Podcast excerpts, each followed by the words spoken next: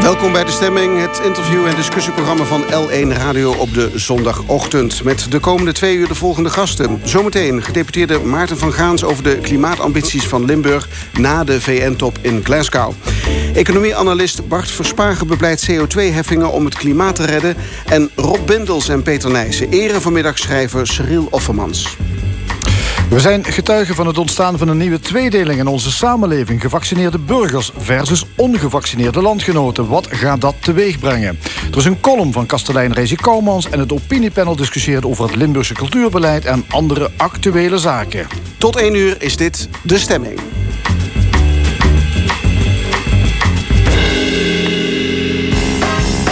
De Analist. Vandaag met economieanalist Bart Verspagen. Ja, straks dus een gesprek met uh, gedeputeerde Maarten van Gaans... over de Limburgse uh, ambities als het gaat om uh, het klimaat... naar aanleiding van de klimaattop in Glasgow. Eerst gaan we praten met onze analist economie, Bart Verspagen. En ook jij wil het hebben over Glasgow. Ja, goedemorgen. Ik goedemorgen. Het, inderdaad graag over het klimaat gaan hebben. Ja, ja dan is meteen de, de vraag... hoe kijkt nou een econoom naar zo'n klimaatconferentie? Ja, ik had er van tevoren niet zo uh, heel erg hoge verwachtingen van. En dat is eigenlijk ook wel een beetje uitgekomen, moet ik zeggen. Omdat ja, je ziet wel dat er allerlei afspraken gemaakt worden. En die komen dan mooi in het nieuws. Maar uiteindelijk uh, is het toch meer van hetzelfde. En uh, dat, er is niet echt een, een, doorbraak die je ziet. En ja, volgens mij komt dat omdat er toch vooral gesproken wordt over waar die uitstoot nou precies plaatsvindt. Dus binnen de landsgrenzen van Nederland, dan is Nederland daar verantwoordelijk voor. En dat perspectief, ja, dat zorgt er eigenlijk voor dat je de ontwikkelde landen zoals Nederland en Europa, dat die tegenover de ontwikkelingslanden komen te staan, zoals China en India. En dat zag je dan ook op die. Uh, is China nog een ontwikkelingsland te noemen? Dat is nog zeker wel een ontwikkelingsland. Hè. Het gaat natuurlijk wel heel snel, maar als je kijkt naar het inkomen per hoofd van de bevolking, dan is dat daar toch nog, uh, nog behoorlijk laag. Ja. En je zag dat, dat die landen, die ontwikkelingslanden aan de ene kant... en die ontwikkelde landen aan de andere kant... die stonden toch tegenover elkaar. En dat gaat zo... Uh, eigenlijk al de laatste ja, 10, 15 jaar. Uh, omdat die ontwikkelingslanden die zijn gaan het groeien. Daar groeit de CO2-uitstoot nog. Bij ons gaat het intussen wat terug. We zijn in staat om allerlei technische maatregelen te nemen. Maar het gaat wat terug. Hè? We moeten niet te, te, te hard van de daken schreeuwen... dat we zo geweldig goed erin zijn, toch? Nee, dat niet. We hebben natuurlijk nog veel meer nodig... om die anderhalve graad uh, te halen. Maar je ziet wel dat sinds uh, pakweg 15 jaar... toch de uitstoot uh, per hoofd van de bevolking... behoorlijk terugloopt. En mm -hmm natuurlijk, dat moet nog doorzetten. Maar hier is in ieder geval een begin gemaakt. Maar in die ontwikkelingslanden, daar uh, groeit het eigenlijk nog steeds door. Want ja, daar is men nog bezig om een inanslag te maken op het gebied van inkomen. En dat gaat gepaard met meer uitstoot. Ja, eigenlijk moesten we al nattigheid voelen toen Amerika samen met China samen ging zitten en zeiden van uh, jongens, we, we gaan er samen iets aan doen. Ja, maar het zijn al twee de grootste, grootste vervuilers, een beetje. Ja, dat, het zijn hele grote landen, maar het geldt natuurlijk net zo goed voor andere landen. Hè. Uh, Indonesië is ook een heel groot land, maar er zijn hele grote gedeeltes van de wereldbevolking die nog steeds in relatieve armoede leven. En ja, wil je daar iets aan doen, dan zul je moeten groeien. En dan uh, gaat de uitstoot daar ook omhoog. Ja, maar dat is dus de kern van het probleem. Het is een globaal probleem, het gaat de hele wereld aan. En er zijn gewoon landen die het niet nou ja, willen en kunnen opbrengen. Ja, en dat is denk ik ook waarom het eh, heel nuttig zou zijn om uh, op een andere manier, op een wat meer economische manier, proberen toch af te dwingen dat die landen als China en India daar uh, iets aan gaan doen. En ik denk dat je dat zou kunnen bewerkstelligen als je zou beginnen met te kijken naar de uitstoot die samenhangt met de consumptie in Europa bijvoorbeeld. Mm -hmm. Want je kunt wel zeggen, ja, het gaat hier binnen de landsgrenzen goed, maar van wat wij consumeren is een heleboel afkomstig juist uit die grote ontwikkelingslanden, China, India. En ja, wij willen allemaal heel graag goedkope uh, goederen uit China halen, maar daar worden natuurlijk wel steeds kolencentrales voorbij ge gebouwd om aan die vraag die wij als consumenten in Europa hebben te kunnen voldoen. Dus ik denk dat je daar het uh, probleem zou moeten aanpakken. En dan kun je ook afdwingen dat die landen allemaal samen iets gaan doen. Ja, maar dat, dat, dat woord afdwingen, daar krijg ik eigenlijk al een beetje kippenvel van. Want dan denk ik van, het moet toch uit de mensen zelf komen. Ze moeten toch echt willen en overtuigd zijn. Want anders dan heeft het niet zoveel zin. Ja, maar kijk, je kunt natuurlijk uh, proberen om mensen in een bepaalde richting te duwen. Of om regeringen in een bepaalde richting te duwen. En het is eigenlijk zo dat ontwikkelingslanden zijn altijd sterk afhankelijk van de uitvoer. Hè. Dat is ook het Chinese model. Uh, het is gebouwd op het idee dat China de fabriek van de wereld wordt. Dus iedereen gaat goederen uit China importeren. En als je bijvoorbeeld een CO2-heffing op die importen zou leggen, dan, ja, dan dwing je China toch een beetje in de richting van niet meer steeds bijbouwen van kolencentrales, maar het ook nadenken over duurzame energie. En natuurlijk, ze denken daar al na over duurzame energie, maar je kunt door zo'n CO2-heffing zowel in Europa voor Europese producenten als voor uh, de invoer kun je toch wel uh, meer vooruitgang boeken dan wat er nu uh, op die klimaattop geboekt is, denk ja, ik. Maar richten we nu niet de pijlen te veel op China dan? Want zelf, ik bedoel, we zijn wel misschien een braaf jongetje van de klas, maar als je toch Europa breed kijkt, dan doen wij het ook niet zo denderend. Nee, dat klopt. Dus ik denk ook dat we zeker zelf veel meer moeten gaan doen. Dus dat is ook waar ik uh, absoluut niks op tegen heb en dat ik ook toejuich. Maar uh, ik denk niet dat als je alleen binnen Europa erin zou slagen om uh, de CO2-uitstoot terug te dringen, dat je dan het klimaatprobleem gaat oplossen. Daar heb je ook ontwikkelingslanden voor nodig. En ja, dan kijken we vaak naar China, naar India, omdat dat hele grote landen zijn met echt een heel groot aandeel van de wereldbevolking. Maar het geldt natuurlijk net zo goed voor een aantal kleinere ontwikkelingslanden, waar de problemen net zo groot of misschien nog wel groter zijn dan in China. Ja. De Verenigde Staten kunnen ook nog flinke stappen maken, volgens mij. Hè? Ja, dat uh, is natuurlijk ook zo. En ook in de VS is het weer zo dat uh, ook daar de consumptie. Uh, als je naar de CO2 kijkt, die samenhangt met de consumptie, die, dat die daar heel erg hoog is. daar is ook minder gedaan aan het terugdringen van de uitstoot dan in Europa. Dus ook daar denk ik dat ja, zo'n handelsbeleid, want dat is het eigenlijk, dat wel een, een invloed kan hebben om die CO2-uitstoot terug te dringen. Ja. Hoe makkelijk, of beter gezegd, hoe moeilijk is het om dit handelsbeleid waar u voor pleit, met, met een CO2-heffing, om die te realiseren wereldwijd? Ja, dat, dat is nog niet zo makkelijk, omdat uh, handelsbeleid dat is traditioneel het domein van de zogenaamde World Trade Organisatie, de WTO. En ja, in die WTO is altijd een beetje het idee. Uh, het idee heeft daar geleefd dat uh, milieu en klimaat... dat dat uh, dingen zijn die als smoesje gebruikt worden... door ontwikkelde landen om de invoer uit ontwikkelingslanden tegen te houden. Dus ontwikkelde landen die hun eigen industrie willen beschermen, die komen al snel met het uh, idee van ja, maar wij willen het klimaat of de omgeving of het milieu beschermen en daarom willen we die invoer niet. Dat is een beetje het idee wat er binnen die WTO heerst en dat was misschien ook wel zo 10, 15 jaar geleden.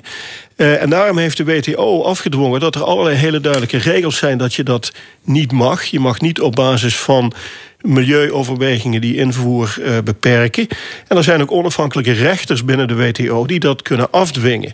En ja, die, uh, die slag zul je moeten maken, omdat dat idee van dat milieu, van dat klimaat als smoesje uh, voor een industriebeleid eigenlijk, dat is toch iets van voor de klimaatcrisis. Of in ieder geval van voordat we ons begonnen te realiseren dat die klimaatcrisis uh, heel serieus is. Dus ik denk dat we daar vooral moeten proberen om dat denken een beetje om te gooien. Ja. Nog een keer terugkomend op Glasgow. Is hier nu een stap gezet of is het nog steeds een beetje wandelen uh, tegen, tegen de cijfertjes aan... waar duidelijk wordt gezegd... jongens, we moeten eigenlijk zorgen dat we binnen nu en een bepaald aantal jaren... die uh, reductie flink naar beneden brengen. Uh, die stikstofuitstoot flink reduceren. want anders dan, dan gaat het mis. Ja, ik heb toch het idee dat het niet echt een hele radicale omzwaai is geweest. En ik had eigenlijk gehoopt dat vooral vanuit Europa... ook met Frans Timmermans, die binnen de Europese Commissie... verantwoordelijk is voor dat nieuwe groene plan, die, die Green Deal. Ja, en ook behoorlijk van de toren heeft geblazen daarmee. Ja, precies. En in dat plan zie je ook wel dat er uh, ideeën zijn om dat handelsbeleid daarvoor in te zetten. Dus hij wil toe naar CO2-heffingen. Uh, hij wil ook toe naar uh, CO2-heffingen. Of, of in ieder geval naar handelsbeleid inzetten voor dat klimaatbeleid. Dus ik had eigenlijk gehoopt dat hij en Europa dat wat meer zouden benadrukken daar. En dan had je misschien een kans gehad dat het toch ja, allemaal een beetje die andere kant op ging. Maar nu is het toch meer van hetzelfde en het kabbelt allemaal een beetje rustig voort. En uiteindelijk uh, gaat het dan op zo'n laatste dag toch weer tot zo'n confrontatie leiden die we, die we gezien hebben. Ja, ja, dan worden de cijfertjes op het laatste moment naar beneden bijgesteld... om het toch eh, een beetje leuker eh, eruit te laten zien... en haalbaarder voor de landen die eh, het er moeilijk mee hebben, blijkbaar. Ja, Het blijft natuurlijk een moeilijke combinatie. Hè? Economie versus dat milieu. Kunnen we dat ooit doorbreken? Ik denk het wel, want ehm, ik, natuurlijk is het zo... als je iets gaat omgooien, als je van een economie die gebaseerd is op, uh, op, op koolstof, op, op uh, fossiele brandstoffen. Als je naar een duurzame economie wil, dan moet er een heleboel veranderen. Maar biedt ook, uh, ook wel kansen. Hè? Dus je ziet dat. Um, iedere keer als we zo'n echte grote technologische revolutie doormaken dat je dan na verloop van tijd toch ook weer hele snelle groei krijgt. En dat is ook iets wat ik verwacht van ja, op het moment dat we die economie echt gaan vergroten. Maar als dat het geval is, dan moeten de politieke leiders het toch durven. Die moeten ze toch die stap kunnen zetten. En dat is inderdaad het grote probleem. Want uh, dat durven, dat is niet zo eenvoudig. En ja, natuurlijk, die politieke leiders die zitten er vaak voor een beperkte tijd. Die worden gekozen voor pakweg vier jaar. Uh, en ja, mensen zijn daar toch bang voor. Want de consument, de burger, is bang dat dit echt radicaal gaat ingrijpen in het, uh, in het leven van die mensen. En dat is ook wel zo, maar het biedt ook kansen. En ik denk dat we dat besef zowel bij de kiezers als bij de politici toch uh, moeten proberen te laten doordringen. Economieanalist Bart Verspagen, dank voor de komst en dank voor de uh, beschouwing over uh, de klimaatconferentie in Glasgow. Doen we niks, dan gebeurt er niks. Nothing for nothing, Billy Preston nu.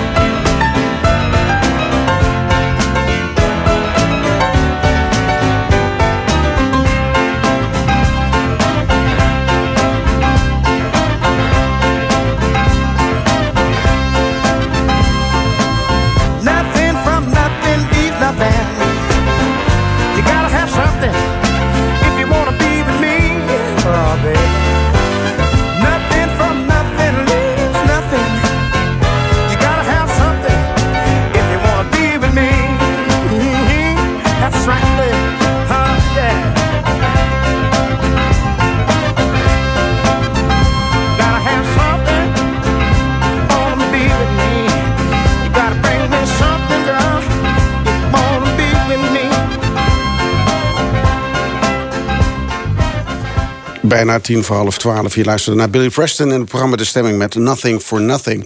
Voor vaste luisteraars van De Stemming is hij geen onbekende... de uit Sittard Geleen afkomstige schrijver Cyril Offermans. Regelmatig zit hij hier aan tafel met zijn cultuuranalyses. Je hoort en ziet het niet aan hem, maar Cyril is inmiddels 75 jaar. Reden voor een groep vrienden en liefhebbers van zijn werk... om een laudatio te organiseren. Een eerbetoon aan Cyril en aan zijn werk.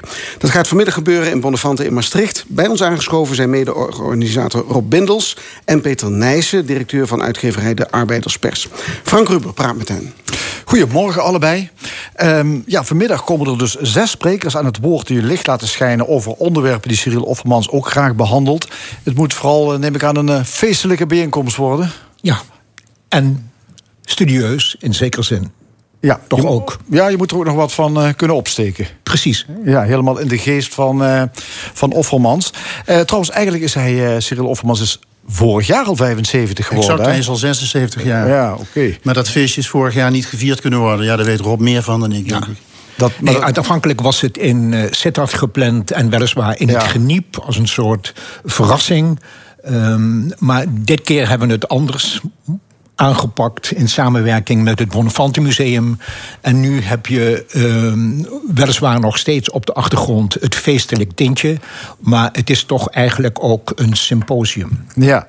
Uh, Cyril Offermans, uh, we kennen hem hier als uh, analist hier in dit programma In de Stemming. Hij is cultuuranalist eigenlijk al zijn hele leven. Ook een bijzonder productief schrijver. Ehm, wat voor de luisteraar, wat heeft hij allemaal gedaan? Nou, dat is te veel om op te noemen. Ik, uh, ik weet zeker dat hij minstens 30 boeken heeft gepubliceerd in de tussentijd. Ik denk al iets meer. Dat hangt er vanaf uh, welke boeken je allemaal gaat meetellen. Want er zitten ook kleine boekjes uh, tussen, kinderboeken. Hij heeft zelfs een roman geschreven. Dus dat is al één ding.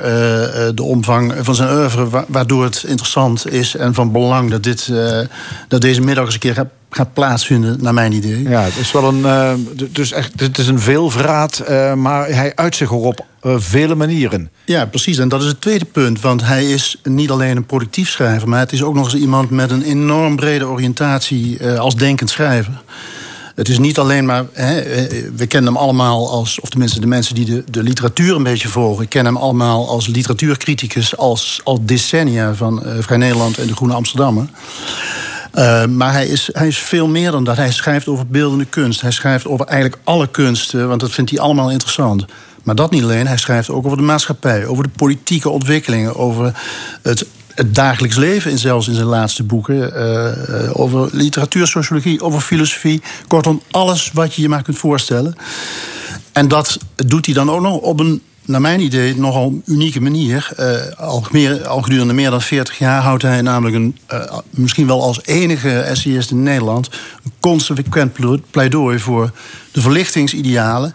En voor de, wat, wat je zou kunnen noemen de vrije ruimte van de literatuur, hè, die de wereld weliswaar niet kan veranderen, maar wel uh, onze blik erop.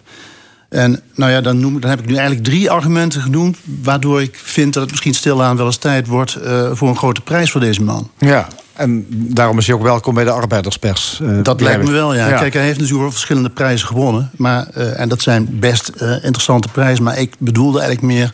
de PC Hoofdprijs zou zo langzamerhand voor essayistiek wel op zijn plaats zijn voor deze auteur. Ja, is hij, is hij van dat kaliber, van dat niveau... dat hij echt zo'n grote landelijke prijs zou verdienen op dit Ja, hij is echt wat mij betreft een nationaal auteur van de eerste orde. Maar als... onder, onderkend dan... Uh...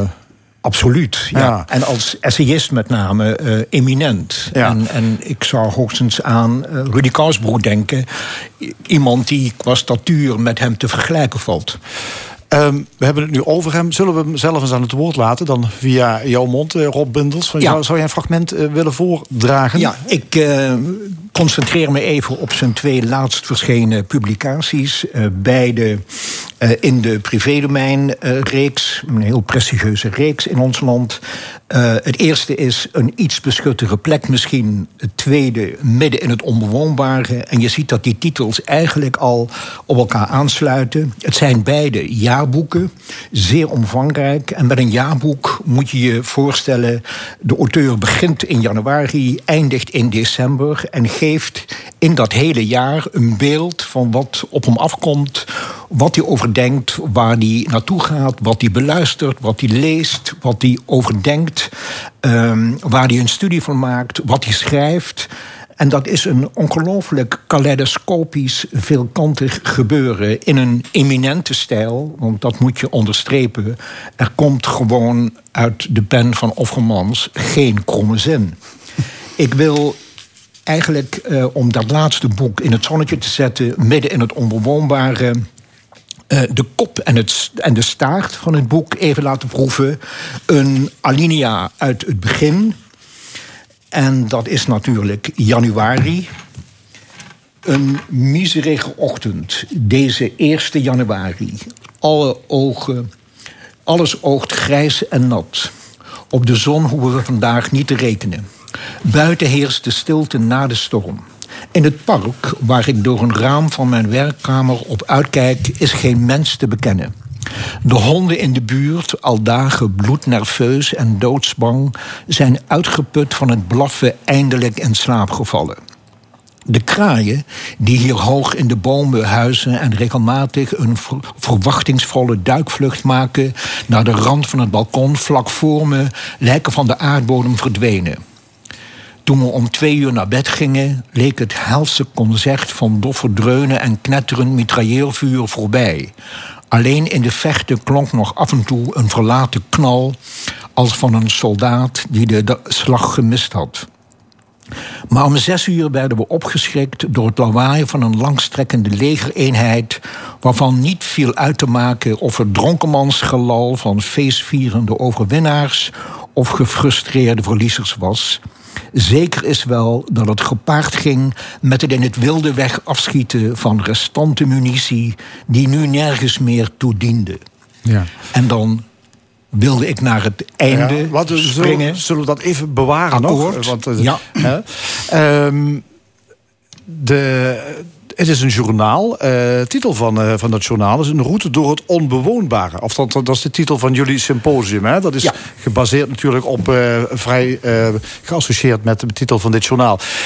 Als je het hebt over het onbewoonbare, want daarin stelt ehm Cyril Offermans eigenlijk de wereld om ons heen, hè, waar je dan nog Ja. een, een, die beschuttere plek vindt. Geeft dat aan dat hij een ehm zwartgallig wereldbeeld heeft? Dat hij dus de wereld ehm, geen prettige plek vindt eigenlijk om te Nee, vertoeven? geen zins. Nee hoor. Eh, maar het is wel iemand die zich zorgen maakt. En eh, dat zit misschien ook al die, eh, verscholen in de titel van het eervorige boek. Eh, jij hint er net al even op, Rob. Een iets beschuttere plek misschien. Eh, toen was er nog een iets beschuttere plek. Toen hadden we misschien nog. eh, hè, dat, dat- boek is verschenen in 2018 en bevat het jaar 2017 uit het hoofd als, als, eh, als jaar van, waarin het journaal is gemaakt. Maar inmiddels hebben we te maken gekregen met een toenemende, het to- toenemende idee van een enorme klimaatramp waar we op afstevenen, wereldwijd. Dat is wel iets wat hem ook echt zorgen Ja, baart, zeker. hè? Maar, Ja. en, en alle politieke conflicten die wereldwijd heersen. De, de, de verruwing in de politiek. Al dat soort dingen zijn, denk ik trouwens ook de leescultuur... die hem zorgen baren. Maar nooit op een uh, zwartgallige manier, zou ik willen Is, zeggen. is, het, is het een tobber? Nee, het is geen, geen topper, zeker niet. Eh, Het is ook geen eh, huiskamerfilosoof. Hij kijkt naar buiten, hij leest, hij heeft eh, de vinger aan de pols van de tijd. En de tijd is natuurlijk getroubleerd. De tijd is zorgelijk. En ik herinner me dat boek Een iets beschuttere plek misschien begint in Syrië en eindigt met Syrië. En ook in dat nieuwe journaal, dat in 2019 geschreven is, komt natuurlijk de malaise eh, opnieuw uitvoerig aan bod. En het eh, is misschien wel zinvol om nu even dat eh, slotcitaat te laten horen. Dat verklaart namelijk die titel. De grondstoffen- en klimaatcrisis en de oorlogen die daarvan nu al het gevolg zijn, dreigen steeds grotere delen van de wereld onbewoonbaar te maken. In de meest letterlijke zin van het woord. Omvangrijke migratiegolven in de richting van rijke delen van de wereld lijken onafwendbaar. De nationalistische reacties daarop voorspelbaar. Steeds meer loopt West-Europa, loopt Nederland het gevaar een eiland te worden midden in het onbewoonbare. Tegelijkertijd worden ook wij bedreigd door onbewoonbaarheid, zeker in sociale en culturele zin. Maar ook letterlijk met het natuurvernietigende oprukken van troosteloze niet-plekken ter wille van alle noodzakelijk geachte groei en mobiliteit verdwijnen de oriënteringsmogelijkheden voor een gelukkig leven. Natuur wordt infrastructuur, hectische leegte vreet de anticiperende droomkracht aan. Het is aan de creatieve intelligentia om in het spoor van Antonello, in het spoor van Perec en zoveel anderen het bewustzijn daarvan te vergroten, het onbewoonbare bewoonbaar te maken in beeld, in taal, in de realiteit. Ja, zo besluit hij zijn uh, journaal, het laatste. Um, Cyril Offermans is belezen, schrijft op een hoog niveau over uiteenlopende onderwerpen. Hoe bijzonder is zo'n uh, persoonlijkheid in de Nederlandse schrijverswereld? Peter Nijssen, nou, directeur van de Arbeiderspers. Daar zijn er natuurlijk veel meer van. Maar eh, nogmaals, op de unieke manier waarop eh, de, de, de stem van Offermans... en de, de, de combinatie van stem, onderwerpskeuze, de breedheid die hij heeft... dat maakt hem uniek. Maar er zijn natuurlijk veel meer schrijvers die zich eh, op een bepaalde manier... en in essays, in non-fictie, zorgen maken over de wereld. Eh, als dat de vraag was, de mensen. Ja, eh, als we iets kritisch mogen bedenken... want eh, jullie, ja, aan wie vraag ik het hier? Jullie zijn natuurlijk Ehm, ja, jullie zetten hem op een sokkel. Uh, is het misschien niet jammer dat zijn werk uh, voor de niet doorgewinterde lezer wel een behoorlijke kluif is? Hè? Het is iemand die natuurlijk wel. Je moet er wel moeite voor doen. Hè? Dit is niet, uh, zal maar zeggen, voor iedereen zomaar weggelegd om het werk van Offermans te lezen. Dat geldt uh, voor sommige stukken zeker. Uh, aan de andere kant kun je, als je die boeken leest, juist een heleboel leren we natuurlijk over uh, onze cultuur en over onze wereld. Maar ik zou zo tien stukken uit dit boek, nee, twintig, dertig stukken uit dit boek kunnen voorlezen. Dat gaan we nu natuurlijk niet doen waarin een veel lichtere toon en een veel lichter onderwerp wordt aangeroerd. Is, is, is het elitair? Het is volgens mij niet elitair. En je moet ook uh, je niet alleen uh, op de essayistiek blind staren. Hij heeft ook een roman geschreven, een toneelstuk. Hij heeft een drietal uh, jeugdboeken geschreven. Hij heeft bijzonder raak en ontroerend Hoe ik moet liegen tegen mijn demente moeder geschreven. Een boek dat ook in Duitsland nog furoren heeft gemaakt. En dat is een, ja, een document humain over zijn eigen demente moeder toegankelijk van begin tot eind. Daar hoef je echt niet voor naar de MAVO. Nee, uh, dat, dat zijn eigenlijk autobiografische uh, fragmenten... die uh, de laatste die, die opduiken in die, in die journaals. Is dat iets waar hij misschien nog meer mee zou kunnen gaan doen? Want hij heeft al heel veel gedaan. essayistiek, nou, hij heeft natuurlijk een roman geschreven. Misschien autobiografisch, zou hij daar nog iets... Nou, hij heeft natuurlijk niet voor niks voor deze vorm gekozen. het, het, het schrijven voor privédomeinen. Het eerste boek is in die serie verschenen. Een, een iets beschuttere plek misschien. Dat uh, doe je natuurlijk alleen maar. Uh, als je voor die reeks schrijft, moet het ook autobiografisch en persoonlijk zijn. Maar hij heeft gekozen voor een vorm, namelijk journalen, waarin je, waarin je beide kanten op kan. Het is en autobiografisch en persoonlijk. En toch ook beschouwing van de wereld. In een, in een wat mij betreft, heel uh, unieke combinatie. Uh, dus dat, jouw vraag, uh, moet hij niet autobiografisch gaan schrijven? Autobiografisch gaan schrijven, maar dat doet hij al lang. Ja, meer ja. bedoelde ik. Ja, ja, precies. Nou ja, ja. Uh, nee, dat, dat blijft hij dus doen in zijn journalen. Ja, ja, dat, dat, die aanzet er nog één aan, hoor. Ja, ja, dat wilde ik eigenlijk vragen. kunnen we iets nieuws van hem verwachten? Als de directeur van de Arbeiderspers weet jij dat natuurlijk.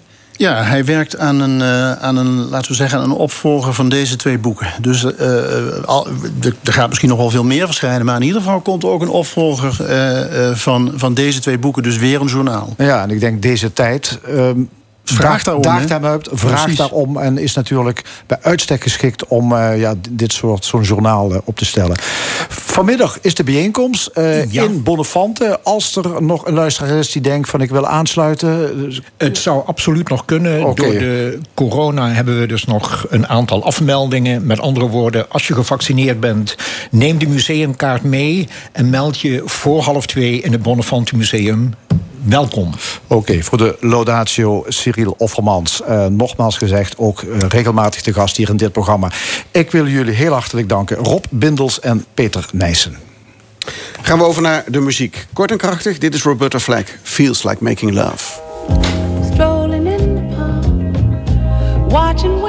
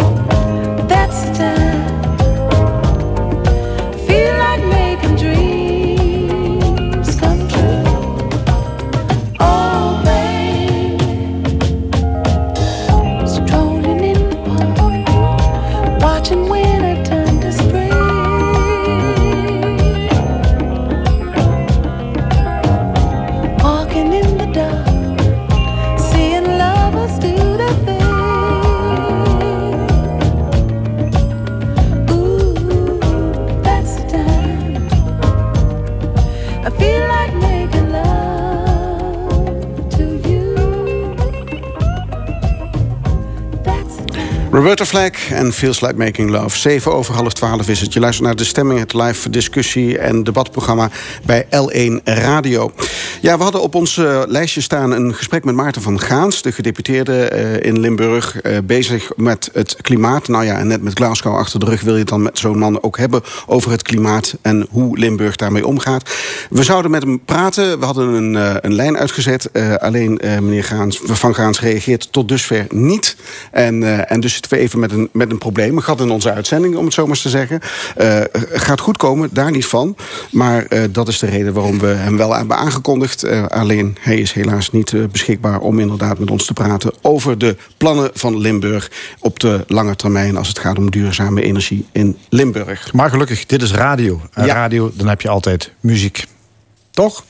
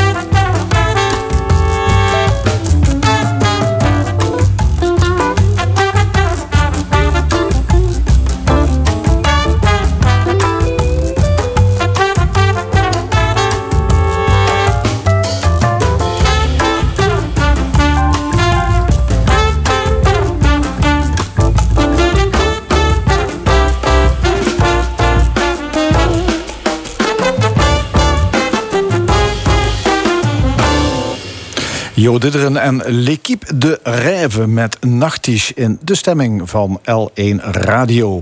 Eh, helaas krijgen wij inderdaad, zoals gezegd, geen contact met gedeputeerde Maarten van Gaans. Die hadden wij uitgenodigd om te spreken over het Limburgse energiebeleid na de klimaattop in Glasgow. Helaas, eh, de heer van Gaans eh, blijkt onbereikbaar voor ons. Ehm, de Limburgse ziekenhuizen die luiden al enkele weken de noodklok. Eh, code zwart die lijkt nog steeds eh, in zicht. Infectiologe Astrid Oude-Lashoff is hier aangeschoven. Welkom. Ja, mevrouw Lashoff, eh, we gaan het straks hebben over 2G en de consequenties daarvan in onze samenleving. Want dat is op dit moment natuurlijk een heel heet hangijzer in de, in de samenleving. Maar voordat we daarover gaan praten, eerst eens even kijken naar de bes- besmettingscijfers op dit moment. Hoe is het gesteld in Limburg als het gaat om de coronabesmettingen? Nou, zoals u waarschijnlijk wel heeft gehoord, heeft eh, berekend 1 op de 90 ehm, eh, mensen in Limburg op dit moment een corona-infectie. Dat is natuurlijk heel erg veel. Ja. Ehm, en dat betekent eh, dat ook een deel daarvan naar de ziekenhuizen zou komen, om, omdat ze zo ziek zijn dat ze thuis niet meer kunnen blijven. Ja. En wij zien het natuurlijk in de ziekenhuizen nu ook, dat de verpleegafdelingen heel erg vol liggen met heel veel coronapatiënten. We hebben weer anderhalf, bijna twee corona-afdelingen in, in Maastricht. En ik weet dat het in het Zuiderland zeker niet, eh, niet beter is. Ehm, en ja, die intensive care ziet natuurlijk ook weer de toestroom van, eh, van patiënten. Dus ja, nee, het gaat niet goed. Ja, ja. Toch En- liggen er minder mensen op de IC's eh, dan vorig jaar. Ja. eh, toen eh, de coronatop zal maar zeggen, op, de- op zijn hoogtepunt was. Toen ook gewaarschuwd werd voor code zwart. En er echt een, nog gekeken is naar, naar- om mensen naar Duitsland bijvoorbeeld over te brengen. Er, zijn, er liggen nu veel minder mensen in die ziekenhuizen. Hoe, hoe kan dat dan dat we nu toch dreigen in een code zwart terecht te komen? Ehm, Code Zwart gaat natuurlijk niet alleen maar over de intensive care. Het gaat ook over de rest van het ziekenhuis. Ehm, de, de- gelukkig hebben we minder mensen op de intensive care. De gewone zorg gaat nog steeds door. Hè. We schakelen wel wat af. Maar ehm, eh, in principe hebben we nu gezegd met deze uitbraak... dat we niet ontzettend veel afschalen. hè. De- Want dat was de vorige keer wel Dat was de vorige keer zeker het geval. En we denken dat het effect van minder patiënten op de intensive care... komt door de vaccinatie. De- op de intensive care liggen vooral mensen die ongevaccineerd zijn of mensen die niet reageren op vaccinatie. En we zien in de verpleegafdelingen eh, zien we natuurlijk die patiënten ook, ehm, maar we zien daar vooral ook ouderen die gevaccineerd zijn, maar bij wie het vaccin is weer- is uitgewerkt en minder bescherming geeft. Ze zijn natuurlijk aan het begin van de, van de vaccinatiesessie, eh, eh, begin van dit jaar, gevaccineerd. En eh, we weten dat bij ouderen die, die bescherming minder lang aanhoudt. Ja. Dus daar komt het door dat het vooral de, veel ouderen op de verpleegafdelingen Ja. Maar mensen, zullen, mensen kunnen redeneren... als er veel minder patiënten op die IC's liggen... Mhm. waarom dreigt er dan nu een code zwart... terwijl we het met veel meer patiënten op die IC's in het verleden... dus hebben kunnen redden? Ja, we hebben het kunnen redden ehm, eh, vorige keer. Maar nu zien we dat de, de cijfers er zijn enorm toegenomen afgelopen twee weken. En we weten dat eh, de besmettingscijfers en de opnamecijfers... dat loopt achter elkaar aan. De eh, opnames is altijd één à twee weken later dan het piek van de besmettingscijfers. Dus de piek van opnamecijfers is één à twee weken. We denken nu ongeveer één tot zeven dagen tot tien dagen... na de piek van, van de besmetting. En de besmettingen zijn zo hoog. Nou, dus de komende twee weken verwacht ik echt een enorme druk. En dat gaat nog wel Ja. door tot... eh, Moeten we dan vaststellen dat het vaccin eigenlijk eh, dat we daar iets te optimistisch over zijn geweest hoe het werkt? Ehm, ik denk dat we hadden gehoopt dat de duur langer zou aanhouden. Maar die gegevens hadden we natuurlijk niet. Omdat de, Het is een nieuw medicijn in feite. Het, het, is, het zijn nieuwe vaccins. ehm, en eh, daar is natuurlijk gestart met, die, met de studies. En die lopen natuurlijk wel voor op onze, onze echte data. Hè, de echte gegevens die wij hier eh, te plekke zien. Ehm, maar en we denken dat bij heel veel mensen die gewoon gezond zijn en jong zijn... dat die bescherming veel langer aanhoudt. Maar bij de ouderen denk ik dat het een beetje onderschat is. Ja. Ja, ja. Ehm, die code zwart, eh, de term is al regelmatig gevallen... en die valt ook regelmatig in Ja. deze discussie. En iedere keer eh, lijkt het- ook alsof er anders over gedacht wordt. Hè? Ehm, ehm, eh, van de week hoorde ik nog Diederik Gommers... Die, die aangaf van, nou ja, we moeten als het gaat om dat vuurwerkverbod... moeten we eigenlijk niet corona gebruiken als excuus, want dat is gewoon niet fair. Het is een belasting misschien van de eerste hulp, maar niet van de IC-afdelingen. Ehm, het ene moment hoor ik een deskundige die eh, vanuit het ziekenhuis zegt van ja, het, eh, het grote uur U is, is er bijna, hè, we zijn er bijna aan toe. Het andere moment is het toch weer wat genuanceerder. Voordat het een containerbegrip begint te worden, code zwart, hè, waar hebben we het over? We hebben het over um, een code die in heel Nederland wordt uitgezet. Dat sowieso. Uh, we hebben, er bestaat officieel geen regionale code zwart, want dan moeten mensen maar naar andere regio's worden overgeplaatst. Uh, en dan hebben we het primair over de intensive care, omdat uh, dat de uh, uh, locatie is die weinig bedden heeft. En dat je in, primair daar al zult moeten zeggen: van u kunt wel, we hebben nog één bed en we hebben vier mensen die daar naartoe moeten. En dan zullen we moeten besluiten wie daar naartoe gaat. Ja. Um, dan moeten de dokter zeggen die wel en die niet. Ja, en dat, dat zou zelfs met loting kunnen gaan. Ja, um, is, dat, is dat de behandelend arts die dan die beslissing moet nemen? Als u eerlijk bent, heb ik daar geen idee over. Dat weet ik niet. Want er zijn natuurlijk dan vier behandelende artsen. En er is één dokter op de IC die ja. dan bepaalt wie, uh, wie wel en wie niet mag. Ja, maar zegt, die, maar ik, weet, ik weet het niet. Dat geeft ook al aan dat dit heel uitzonderlijk is. Zeker. Dit ja. is nog nooit, dit is nog nooit uh, gebeurd uh, in, in Nederland. Voor zover ik me kan herinneren. Maar de code zwart valt regelmatig. Ik zei het al. Maar toch zijn de nuances zo groot. Hoe komt dat? Um, ik denk omdat we dit nog nooit aan de hand hebben gehad. En we weten allemaal dat code zwart betekent dat er besluiten moeten worden genomen. Um, waar, we, waar niemand blij mee is. Het zou zelfs zo kunnen zijn dus dat de verpleegafdelingen ook helemaal vol liggen... en dat we daar geen bedden meer hebben. Mm -hmm. En dan zou er moeten worden besloten... wie mag wel in het ziekenhuis worden opgenomen en wie niet. Dus primair is de IC... Uh, en secundair is de, de gewone verpleegafdelingen. Ja, en als die allemaal vol liggen, in heel Nederland hebben we het dan over... Hè, dan, uh, dan hebben we daar een heel groot punt. Ja, ja. Kijken we over de grens, België, Duitsland, Frankrijk... hebben die hetzelfde probleem? Uh, ik weet dat Duitsland nu vol begint te stromen weer hè, met, met patiënten ook. Dus het uitplaatsen van patiënten naar Duitsland, wat ik begreep uit de media. Maar is, code zwart, geldt dat daar ook? Weet ik niet. Nee. Daar heb ik maar ze hebben veel meer IC-bedden. Ja, dat, ja, ze hebben, ja. Duitsland heeft een veel grotere capaciteit dan, uh, dan wij hebben. En ik weet niet hoe het in, uh, in België en Frankrijk zit. Daar ja. heb ik geen idee van. Maar zij zullen natuurlijk ook op een gegeven moment is de limiet bereikt. En dan, zijn de, de, dan is het personeel op en de bedden zijn op. Ja, weet je, je kunt een mens in een bed liggen, leggen, maar als er niemand voor kan zorgen, dan hebben we daar natuurlijk. Ja, en dit is een combinatie van twee factoren. Ja. A, we hebben heel veel zieke mensen. Ja. Aan de andere kant is er ook aan de bedden niet genoeg personeel. Nee, we hebben echt veel uitval. We hebben 10 um, van ons personeel is ziek. Um, uh, dus dat, ja, dat is enorm. Dat, is gewoon... dat was al voor corona, hè? Nou, voor corona was dat, uh, begon dat wel. Maar we hadden tijdens de eerste golf hadden we minder hoog ziekteverzuim. Dan zaten we tussen nou, 7 à 8 procent. Maar we zien gewoon dat het nu is toegenomen. Ja.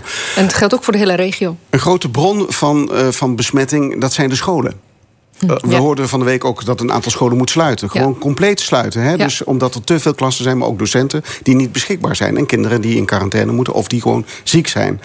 Um, toen dacht ik meteen van, wordt het dan niet eens tijd dat we gaan nadenken over het in- en te vaccineren van die kinderen? Ja, dat uh, is een uh, moeilijke discussie, zoals uh, iedereen wel weet. Um, omdat de kinderen er bijna niet ziek van worden. Um, maar ze kunnen het wel ze verspreiden. Kunnen het wel verspreiden, maar ze maken niet een hele grote bron uit van verspreiding. Um, hoe ouder de kinderen worden, hoe groter die, de, de, dat ze het toch verder verspreiden.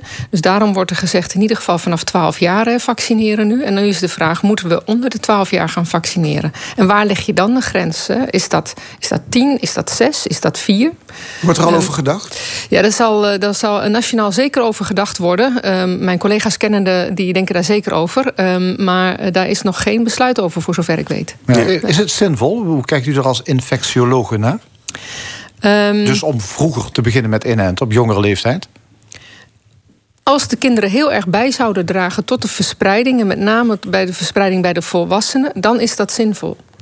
Um, en um, ik heb de, de, de, de precieze data, weet ik niet... in hoeverre zij bijdragen tot verspreiding naar volwassenen. Maar je kunt dus ook zeggen, als de volwassenen allemaal goed gevaccineerd zijn... dan hoef je die kinderen niet te, te vaccineren. En dan moeten ze natuurlijk niet bij mensen in de buurt komen... die heel kwetsbaar zijn en niet reageren op, uh, op vaccinatie. Dat is dan wel een voorwaarde. Ja, de politiek reageert nu op, uh, op de, de snel stijgende cijfers. Hè. Uh, worden er harde genoegen maatregelen genomen wat u betreft? Hm. ja, op dit moment denk ik dat we... de, de, de cijfers stijgen zo fors... ehm, dat we dus niet genoeg doen. Ja. Ik bedoel, ik denk dat we allemaal die conclusie kunnen trekken. Dat wij eh, allemaal als, eh, als mensen in Nederland allemaal bijdragen aan de verspreiding van het coronavirus. Er zijn gewoon te veel contactmomenten Er zijn nog. te veel, dat, dat moet, want anders kan het niet. Er zijn dus te veel contactmomenten. En dat moet je dan weer reduceren. eh, om te zorgen dat als mensen niet bij elkaar komen, kun je het niet naar elkaar verspreiden. En ehm, eh, met name eh, het afstand houden, die anderhalve meter. ehm, veel mensen bij elkaar. eh, zowel ehm, ontmoetingen, maar ook de, de, de feesten natuurlijk. Ja, dat zorgt gewoon voor een enorme verspreiding. Ja. En dat moet naar beneden. We steven af op de feestmaanden, maar we moeten eigenlijk geen feestje vieren. Ja, zo zou je het kunnen zeggen. Of digitale feestjes weer. Dat is natuurlijk verschrikkelijk. Dat willen we allemaal niet. Maar ja, als wij dit onder controle willen krijgen... dan zullen we daar allemaal aan moeten meewerken. Ja. Toch kom ik dan nog een keer terug op de, op de vraag die ik net stelde. Ehm, eh, dit vergt eh, politieke daadkracht. Is die er voldoende? Ik hoop dat die er komt. Die is er dus niet voldoende. Nou, betreft. nu op dit moment eh, zien we allemaal dat, dat die. we- er zijn wat, ik moet iets eh, nuanceren. Er zijn natuurlijk wat ehm, eh, maatregelen genomen. En normaal gesproken zie je pas na twee weken het effect van die maatregelen. En die maatregelen zijn een, een week geleden ongeveer Ja, ingesteld. Dus dat zou je officieel kun je dat nog niet zeggen. Maar. ehm, wat ik begreep, hè, ook eh, eh, collega Hoebe eh, van de GGD Zuid-Limburg... die heeft natuurlijk ook hier wel verteld dat de bewegingen... we zien nog steeds heel erg veel bewegingen van mensen. En dat blijkt wel dat we blijkbaar niet voldoen aan het verzoek... om meer thuis te werken, om eh, minder mensen over de vloer te hebben. Daar, daar voldoen wij blijkbaar niet aan. Omdat iedereen denkt, ja, ik ga wel even ergens naartoe. Of ik ga wel naar het werk, dan moet mijn collega maar thuis werken. Maar we zouden in principe allemaal daaraan moeten voldoen. Ja, duidelijk. Kunt u als infectioloog iets over de, de langere toekomst eh, zeggen? Ik bedoel, hoe lang blijft zo'n virus ehm, ja, zodanig onder ons dat we daar gewoon ernstige hinder van blijven ondervinden? Ernstige hinder eh, is een moeilijke. Ehm, wat we wel weten uit voorgaande ehm, eh, pandemieën... is dat eh, er schijnt een, een, een coronapandemie te zijn geweest... mogelijk in Rusland. Dat werd toen de Russische griep genoemd. Dat heb ik van een, een eh, Belgische collega. ehm, die, ehm, die ebt op een gegeven moment weg... omdat we allemaal weerstand ertegen hebben opgebouwd. Dan wordt het een, een, een virus wat nog wel klachten geeft... net zoals griep, hè, dus er kunnen nog wel mensen aan overlijden... maar het, eh, onder de bevolking zie je niet meer deze grote uitbraken. Maar de vraag is of we daar volgend jaar al ehm, eh, mee te maken hebben. Ik, Ja, durf, ik durf dat niet in die, in die Nee, glazen bol te kijken. maar over welke periode ging het dan? Bij die Nou, dat Russische duurt altijd een paar, dat duurt altijd een paar jaar. Een paar jaar. Ja. En we zitten nu aan een paar, hè, aan twee ehm, eh, in komend maart. Ehm, en dan hopen we natuurlijk dat we volgend jaar hier niet meer mee te maken hebben. Maar dat hangt natuurlijk af van onze vaccinaties, et cetera. Ja, en onder andere of we voor het 2G-beleid gaan, dat hangt ook in de lucht. Gaan we het straks over hebben in het tweede uur van eh, de stemming. Tijd voor muziek nu. Nick Drake en Man in the Shed.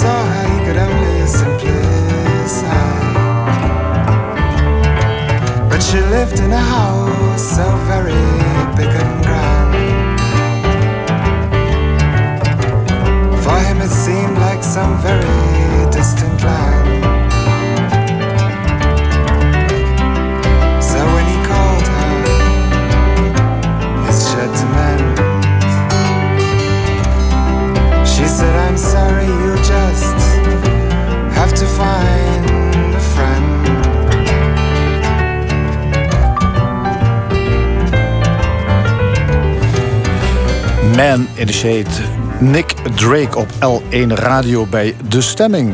Zometeen na het NOS-journaal van 12 uur. Eh, een discussie over 2G of 1G. Wat gaat er op ons afkomen in de strijd tegen corona? René Gabriels, filosoof, Astrid Oudelashoff, infectiologe... en Guy Wittershoven, medisch ethicus, die nemen dan plaats hier aan tafel. Zometeen.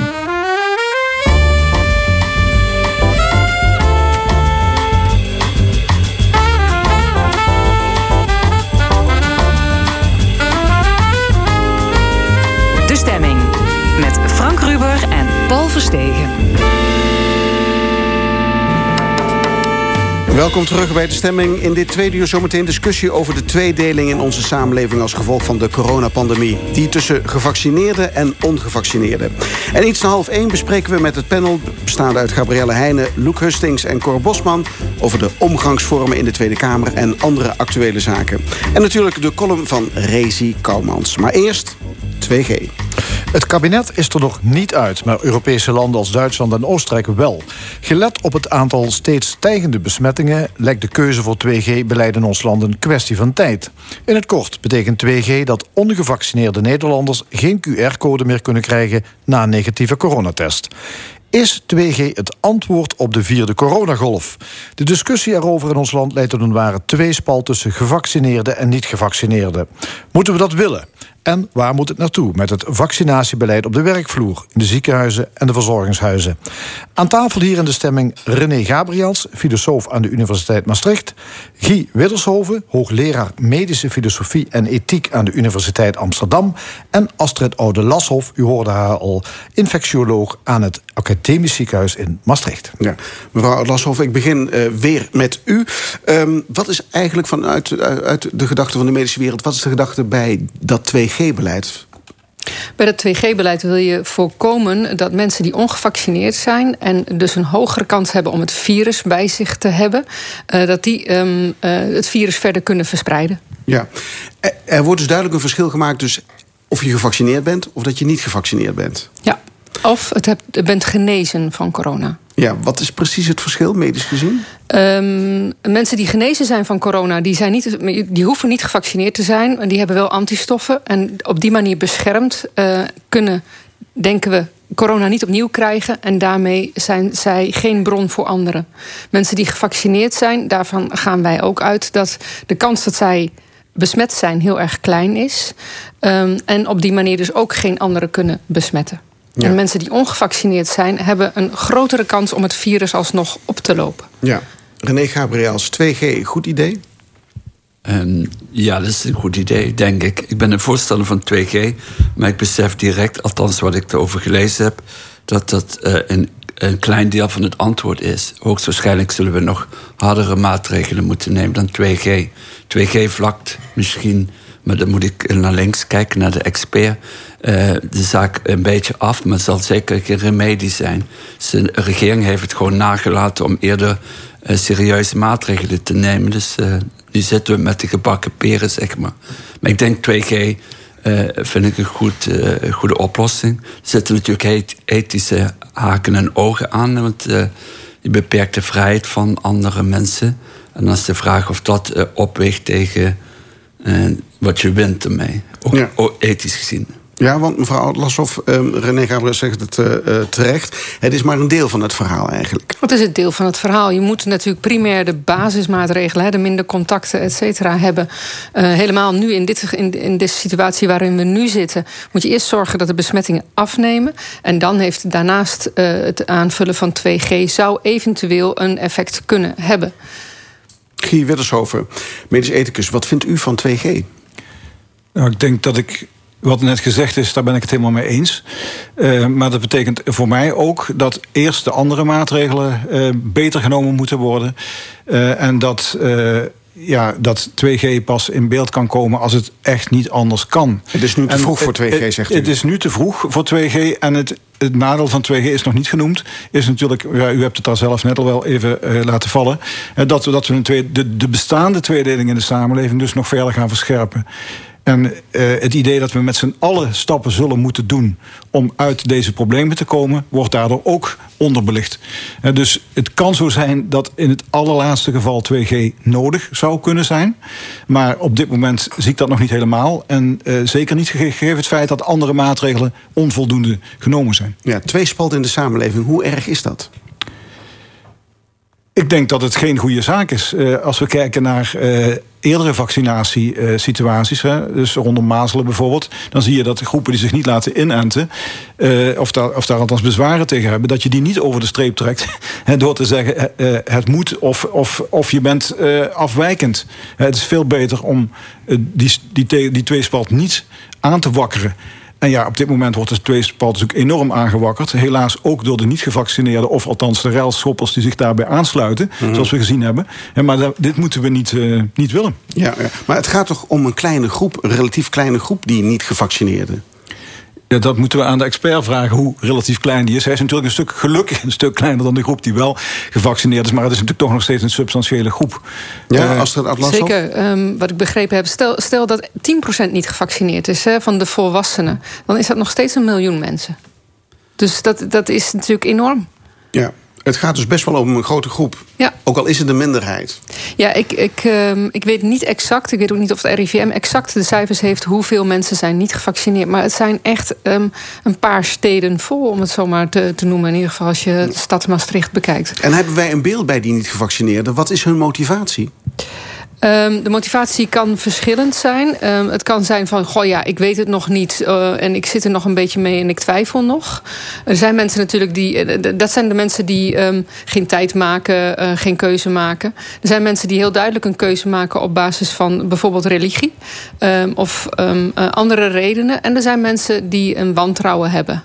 Wantrouwen tegenover de overheid, wantrouwen tegenover de, de, de, de farmacie bijvoorbeeld, dat ze dat allemaal niet vertrouw- vertrouwen. Ehm, die- dat soort categorieën kun je denk ik onderscheiden. Ik weet niet of er nog meer, zijn, eh, meer categorieën zijn, maar die kan ik snel even oplepelen. Ja. En meneer Wittershoven, u zegt... als je die mensen zeg maar in een hoek zet... van jullie, jullie mogen niet meedoen in de samenleving... dan eh, eh, is dat misschien wel een, een relatief kleine groep in het totaalplaatje... maar het leidt tot ongelooflijk veel tegenstellingen. Dus tegenstellingen worden verscherpt. En bijvoorbeeld het onderscheid tussen die groepen binnen die groep, hè, dat wat net genoemd werd, eh, daar, daar ga je dan ook aan voorbij. En dat betekent dat de mensen die er nog niet voldoende over nagedacht hebben, of om, of om logistieke, praktische redenen er niet naartoe gekomen zijn, die je dus zou kunnen bereiken, en dat je die groep verder eh, eh, wegdrukt en eigenlijk gaat zeggen: ja, jullie zijn allemaal, jullie zijn allemaal even erg. En eh, dat zou toch niet verstandig zijn. René Gabriels, het is nog te vroeg voor 2G. Daar ben ik het dus gelukkig niet mee eens. Gelukkig voor de toeschouwers of to- eh, toehoorders. Dit is radio, ja. dus ik, ik vind dat 2G direct moet worden ingevoerd. Een, eh, het woord tweedeling wordt ook veel te gemakkelijk gebruikt. Het gaat hier om een minderheid. Ik geloof 1 op de 10 mensen in Nederland. Dus eh, tweedeling heb, is van, eh, daarvan is sprake. We hoorden net dat het toch een grote groep was. ja, dus 1 op de 10 personen. Maar so what? Het gaat hier om een afweging van belangen. Dus eh, eh, de mensen die zijn tijdelijk, eh, mogen ze, hebben ze geen toegang tot de horeca, tot cultuurinstellingen, misschien ook wel niet tot het eh, openbaar vervoer. Eh, maar dat is tijdelijk. eh, en de vraag is, wanneer mag je de vrijheid van mensen beperken? Die mag je dan en slechts dan eh, beperken als er een ander goed ook in het gedrang komt. De vrijheid van degenen die een recht op leven hebben. Dus, en de vrijheid van degenen die moeten werken. Dus de druk op de ziekenhuizen, voor zover ik geïnformeerd ben, is dermate groot dat we eigenlijk 2G direct moeten invoeren. En, en dat is niet genoeg, zoals ik net zei, maar ik vind het helemaal geen probleem als daardoor een tweedeling. Dat wordt ontzettend opgeblazen. En als er mensen gewelddadig zijn, zoals in Rotterdam, moet ook keihard tegen worden ingegrepen. Dus ik vind eh, dat eh, 2G moet in worden gevoerd, omdat een grote, goede het recht op leven eh, belangrijker is. En ook het, dat we ook de mensen in de zorg en bescherming moeten nemen. Die werken onder zware druk. Dat geldt niet alleen voor verpleegkundigen, maar ook voor artsen. En ik denk dat het ene belang tegen het andere moet worden eh, afgewogen. En dat de, de vrijheid beperkt is. Dat je niet naar de eh, café kunt gaan, het restaurant... of naar een cultuurtempel. Dat vind ik minder belangrijk dan het recht op leven van mensen... en de gezondheid van mensen. En heeft dat ermee te maken dat je kunt kiezen voor wel of geen vaccinatie? Is dat de reden dat jij zegt van daarom eh, mag je dus inderdaad 2G invoeren? Je mag het invoeren omdat het een afweging, de, eh, afweging van waarden is. Het is natuurlijk eh, interessant nu voor een filosoof, omdat het twee waarden zijn die allebei belangrijk eh, acht. Ik, ik vind natuurlijk maximaliseren van de vrijheid van een individu een ontzettend hoge waarde. Maar een andere waarde is ook dat je mensen de eh, eh, gezondheid en het recht op leven moet garanderen. Een soort verrekening gaat het ook niet alleen om de vrijheid van degenen die niet naar een restaurant kunnen gaan of naar een café, maar het gaat ook om de vrijheid van handelen, van de artsen, eh, van de vrijheid van de mensen die de kans lopen in het ziekenhuis terecht te komen, et cetera. Guy Widdershoven, ik hoor René Gabriels twee dingen zeggen. Eh, de, de, de volksgezondheid is in het geding. En niet zo'n beetje ook. De ziekenhuizen kunnen het niet meer aan. Daarom is 2G nu gerechtvaardigd. Zolang er nog andere maatregelen zijn, zou ik zeggen, zet daarop in. Want, en dat is eh, voor mij ook een belangrijk punt, als we nu denken 2G is de oplossing, dan gaat de rest dus helemaal niks meer doen. Nee, ik heb dus niet gezegd de oplossing. Nee, maar op zijn minst moet je dus zeggen, eh, ja, we moeten met z'n allen proberen die zaak onder controle te houden en, de en echt serieus nemen eh, dat we, dat we beweg- bewegings, de beweging moeten beperken. Helaas heeft het beleid op dat punt ons niet gestimuleerd. In het begin ging dat, in het begin van de, van de, eh, de problematiek ging dat redelijk goed. Maar je ziet nu dat als je op de weg komt of, of, of ergens in een, in een grotere eh, instelling, ja, iedereen loopt maar weer rustig door elkaar heen. Dus ik denk dat daar meer winst te behalen valt. En wat is zoals ik al gezegd heb, het is. Eh, het kan zo zijn dat als het niet, echt niet anders kan, dat je niet naar die 2G grijpt. Maar je, je zet een groep apart. En je, en je maakt het voor mensen eh, ja, niet aantrekkelijk om, eh, om serieus na te denken over zou ik me laten vaccineren of niet. Ja. Als het Oud-Lashoff, hoe kijkt u aan tegen deze politieke discussie als medicus? Ehm, ten eerste zou ik willen dat iedereen zich gewoon laat vaccineren. Dan hebben we deze hele discussie niet. Ehm, eh, dat, dat is een relatief eh, eenvoudig antwoord natuurlijk. Maar Ja, dat is wel maar u een kent ook eh, de situatie. Er Ik zijn heel veel mensen die niet, niet, niet op de hoogte zijn. Eh, geloofsovertuiging. Ja. Of een andere overtuiging waardoor je zegt... ik laat me niet vaccineren. Ja. Zo, Ik, ik voel me hartstikke gezond. Ik heb dit niet nodig. Kan allemaal, hè? Ja. Ehm, ik vind de 2G-invoering. ehm, eh, ik ben het deels eens hè, met de, ethische overwegingen. Dat je zegt van. ehm, eh, probeer eerst alle andere maatregelen. Ik vraag nog steeds af of 3G, hè, als je niet gevaccineerd bent. en dan gewoon bij wijze van spreken. wil je naar een restaurant. dan moet je eh, binnen 24 uur zijn getest. Ja. Eh, dat zou ik zelf een mooiere. eh, Gelijke monniken, gelijke kap Precies, eigenlijk. dan, dan zeg je van ja, jij wilt toch graag, maar je bent niet gevaccineerd. Dan moet je wel een hele recente test hebben. Maar daar zitten heel veel logistieke ehm, problemen Dat gaat enorm veel geld kosten Zeker. en, en mensen. En hè? mensen en En die geld. hebben we eigenlijk niet. Nee. Dus is het eigenlijk ook niet haalbaar. Nee, dit is niet haalbaar. En dan kom je dus al snel uit bij een 2G. Als laatste middel. Als laatste middel, als je alle andere ehm, eh, maatregelen hebt genomen, als iedereen daar eh, eh, aan voldoet, denk ik dat je uitkomt bij 2G. Of we laten het los en dan krijgen we een enorme belasting van de, van de zorg. Mhm, mhm. Ehm, maar ik hoor ook Guy Widdershoven zeggen... ehm, eh, het, het, het is een van de trajecten. René Gabriel zegt het ook. Het is, het is niet het te complete plaatje. Is dit dan niet een te zware maatregel om te nemen? Hoogstwaarschijnlijk wordt er nog een zwaardere maatregel nodig als het zo doorgaat. Eh, eh, misschien nog een nieuwe lockdown, en dus een harde lockdown. Is misschien noodzakelijk, in sommige landen wordt dat al overwogen. Eh, dus als het niet anders kan. En ik vind een, een probleem waar we het ook niet over. wat hiermee samenhangt, is de dreiging van een, van een triage.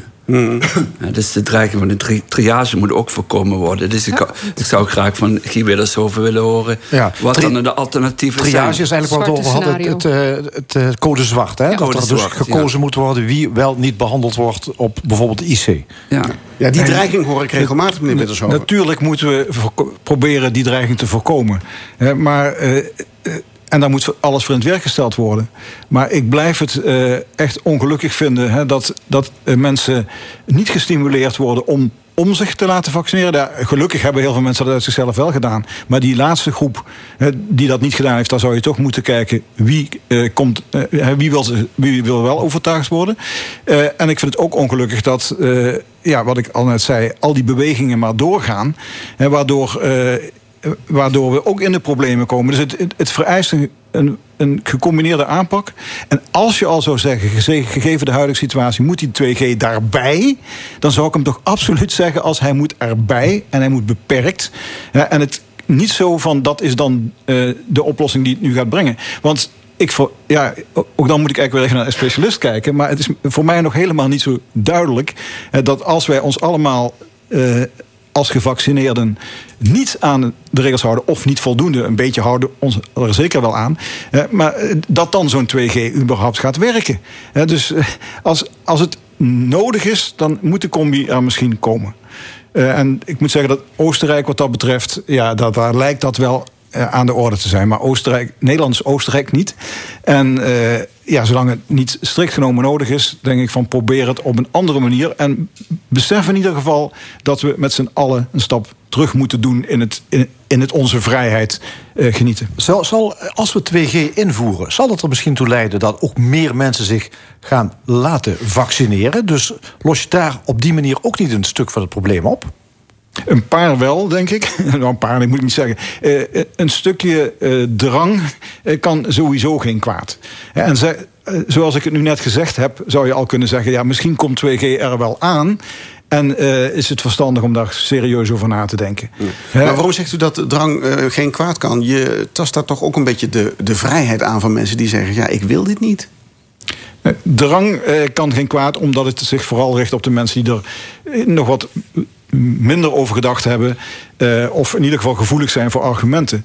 Eh, en dat is wat anders dan eh, de mensen die zeggen: ja, ik wil het sowieso niet. Ik bedoel, die ga je met drang natuurlijk niet bereiken. Nee. René Gabriels heeft eh Guy een punt. Ja, die heeft een punt. Maar wat daarachter schuilt, eh, is ook het schadeprincipe. Dus als wij eh, vinden, en, en, en solidariteit trouwens, als wij vinden dat mensen vrijheid gemaximaliseerd mag, moet worden en dat niet ten koste mag gaan van de andermans vrijheid, dan hebben we bijvoorbeeld maatregelen zoals, zoals eh, dat je niet harder mag rijden dan 120. Nou, dit, in dit, 100 intussen. Eh, 100 inmiddels, ja, 120. Oh, sorry, ik ben eigenlijk van het oude tijd. Ja, 120. René maar- rijdt alleen maar na 7 uur s'avonds. Ja, Precies, ja. Na zeven uur s'avonds rijd ik me. Dankjewel, Frank. Nee, maar in ieder geval, dan, dat schadeprincipe geldt hier. En dan vinden we ook het redelijk solidariteit met de kwetsbaarheid van mensen... die je vergroot als je harder rijdt dan 100 of 120 s'nachts. Eh dat geldt ook hier eh, met betrekking tot de gezondheidszorg.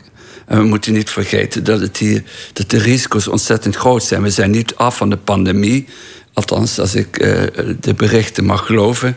eh, na, eh, na deze golf. Die zal nog een tijd voortwoekeren. En aangezien maar de helft, of nog minder, van de helft van de wereldbevolking is gevaccineerd, moet een beleid komen op, op lange termijn. En hier heeft de regering enorm verzaakt. Ook wat het betreft informeren van de, eh, eh, de, de, de bevolking over de gevaren. Ja, En- maar ik hoor Guy Widdershoven zeggen... ehm de- tweespalt in de samenleving, dat moeten we eh, toch proberen te voorkomen... zoveel mogelijk.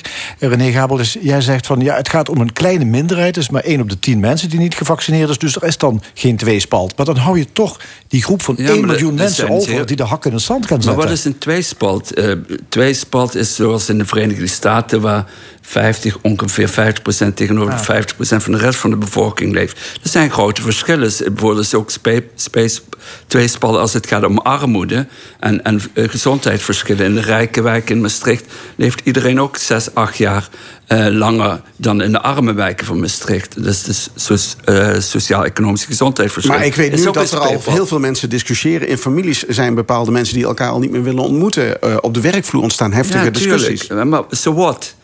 Ik bedoel, ik, ik, ik vind dat een veel minder probleem dan de belasting van de arts en de verpleegkundigen. of het, eh, dat het zoveel mensen eh, sterven. Kijk, in de Nederlandse media wordt dat nooit bericht. De Duitse media die laten iedere dag de cijfers zien hoeveel mensen sterven. Stel dat je dat continu had gedaan. In het begin deden de media dat wel. Iedere dag op het journaal. Zoveel mensen zijn eh, vandaag gestorven van COVID-19. Dat, dan maken de mensen ook diets wat de gevolgen zijn van de laksheid van de minderheid. Ja. Ja, Als dat en van de laksheid van de meerderheid zou ik toch nog ook wel even willen blijven Ja, ja, opmerken. de laksheid van de meerderheid en ook als, nog- als er, eh, eh, het is toch niet zo dat als het, alleen als het 50-50 is, dat je je moet gaan afvragen hè, van eh, wat moeten we doen. We Ja, mogen zeker. blij zijn dat Ja. er maar een minderheid is, maar die minderheid moet serieus genomen Ja. worden. Als dat als Lazaroff, ehm, eh, je ziet nu op dit moment in België dat er wordt gezegd... als het gaat om de zorg in de ziekenhuizen... dan moeten mensen die aan de bedden verschijnen... moeten gevaccineerd zijn, anders dreigt ontslag. Zou dat hier in Nederland ook moeten gebeuren? Dat vind ik een hele moeilijke ethische discussie. Ehm, eh, ik denk dat als je kijkt naar de vaccinatiegraad ehm, die we ongeveer kunnen inschatten. We Ja. weten het niet exact van onze medewerkers, want dat mag niet.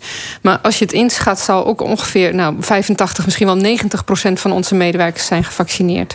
De vraag is, ehm, als iedereen zich aan de maatregelen houdt, hè, met name dus de, de, de draag van de mondmaskers, de afstand, ehm et cetera. Als je goed aan die maatregelen houdt, of ehm, het verplichten van vaccinatie een effect heeft. Want wat streef je daarmee na? Je, je, we streven na dat je transmissie voorkomt. Hè? Overdracht van patiënt naar medewerker en, en andersom. Van medewerker Ja. naar patiënt. Maar stel je dan de wereld van de zorg niet boven de samenleving zoals we die nu hebben? Eh, wanneer? Als we gaan verplichten? Nou ja, als je zegt van nou, eh, bij ons in het ziekenhuis eh, gaan we er eigenlijk anders mee om dan in de samenleving. Eh, ja, dat, dat, dat doe je als je zegt dat je het gaat verplichten.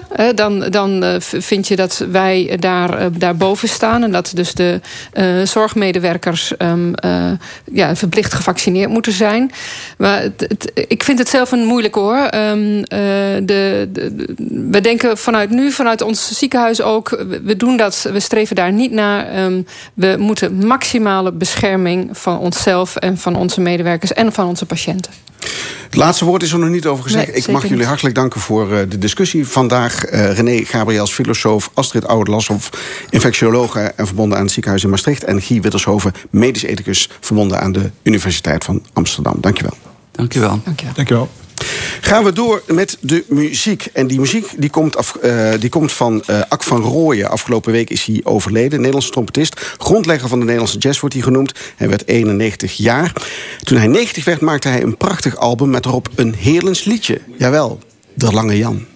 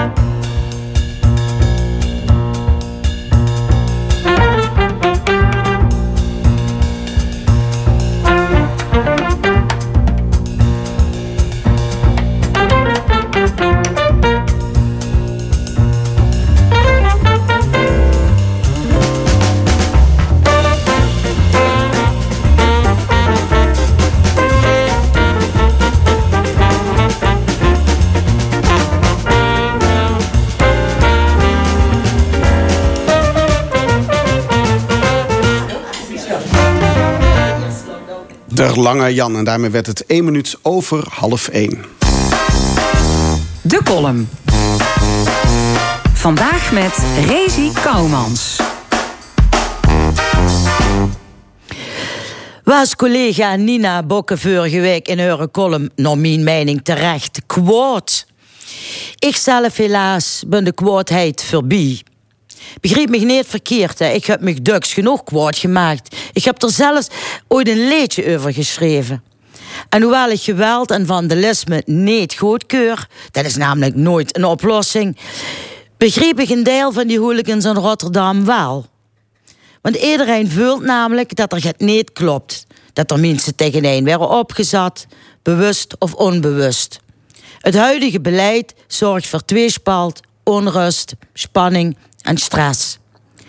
Niet iedereen is ook in staat om dat in een rustige discussie met respect voor elkaars mening te duiden. Nu heb ik nog een oerlot klep door middel van de columns. Maar hoe moet ik anders met dat gevoel her? En zelfs ik heb af en toe zin om er een van de kop te houden. Daar baat geen column meer voor. Van de week keken mijn mensen en ik naar Voetbal Inside. Nee, dat dat mijn favoriete programma is, maar af en toe moesten die een vent gunnen, hè.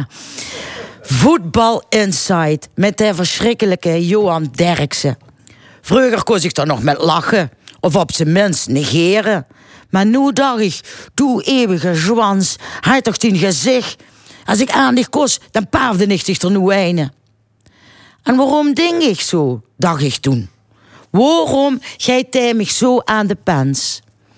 En ik heb me dus bedacht dat dat komt omdat hij zo stellig is. Omdat er zijn mening, die er best mag hebben, poneert alsof het de waarheid is.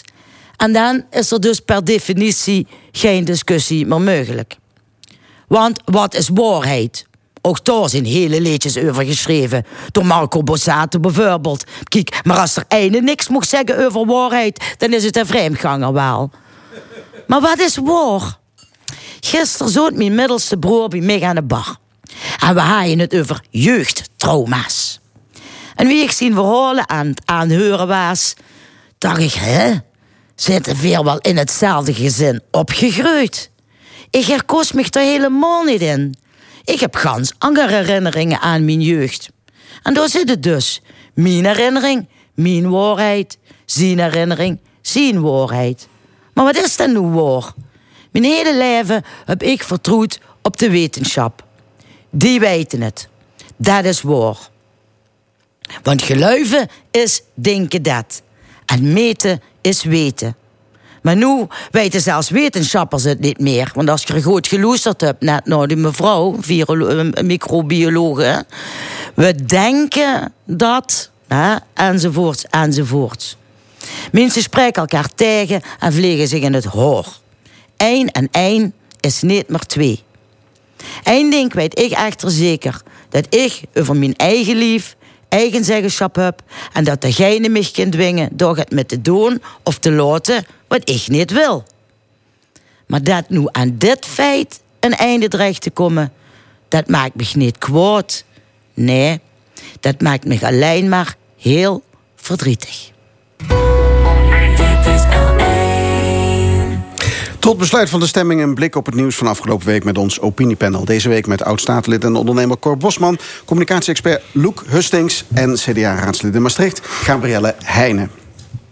Ja, de grote gemeenten in Noord- en Midden-Limburg... die voelen zich achtergesteld omdat ze te weinig cultuurgelden van de provincie zouden krijgen. Ehm, ja, de vraag is, is dat inderdaad zo of is het een Calimero-effect? Eh, is het een barre woestijn in een, eh, waar jij woont daar, uh, Cor in uh, Roermond? Het is bijna het einde van de wereld, zou ik zeggen. Tenminste, als je, als je de initiatiefnemer Ferdinand Pleiten mag geloven.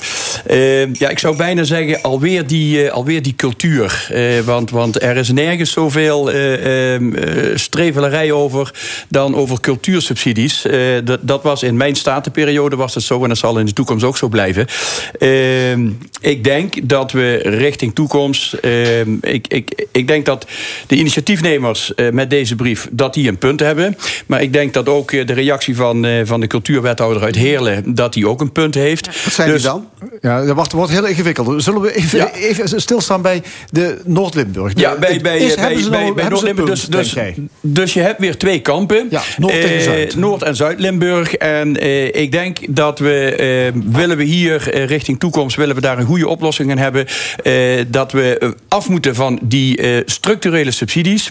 Dat we iedere gemeente eh, eh, iets uit het potje eh, subsidie moeten geven. En vervolgens op basis van goed onderbouwde projecten... dat we dan de rest van, van, eh, van de subsidies gaan verdelen. Oké, dus eigenlijk evenredig die subsidies over de gemeente verdelen. Nee, Plus, plus, een, plus een extraatje. Ja, Loek, nee, nee juist niet. Eh, per project verdelen.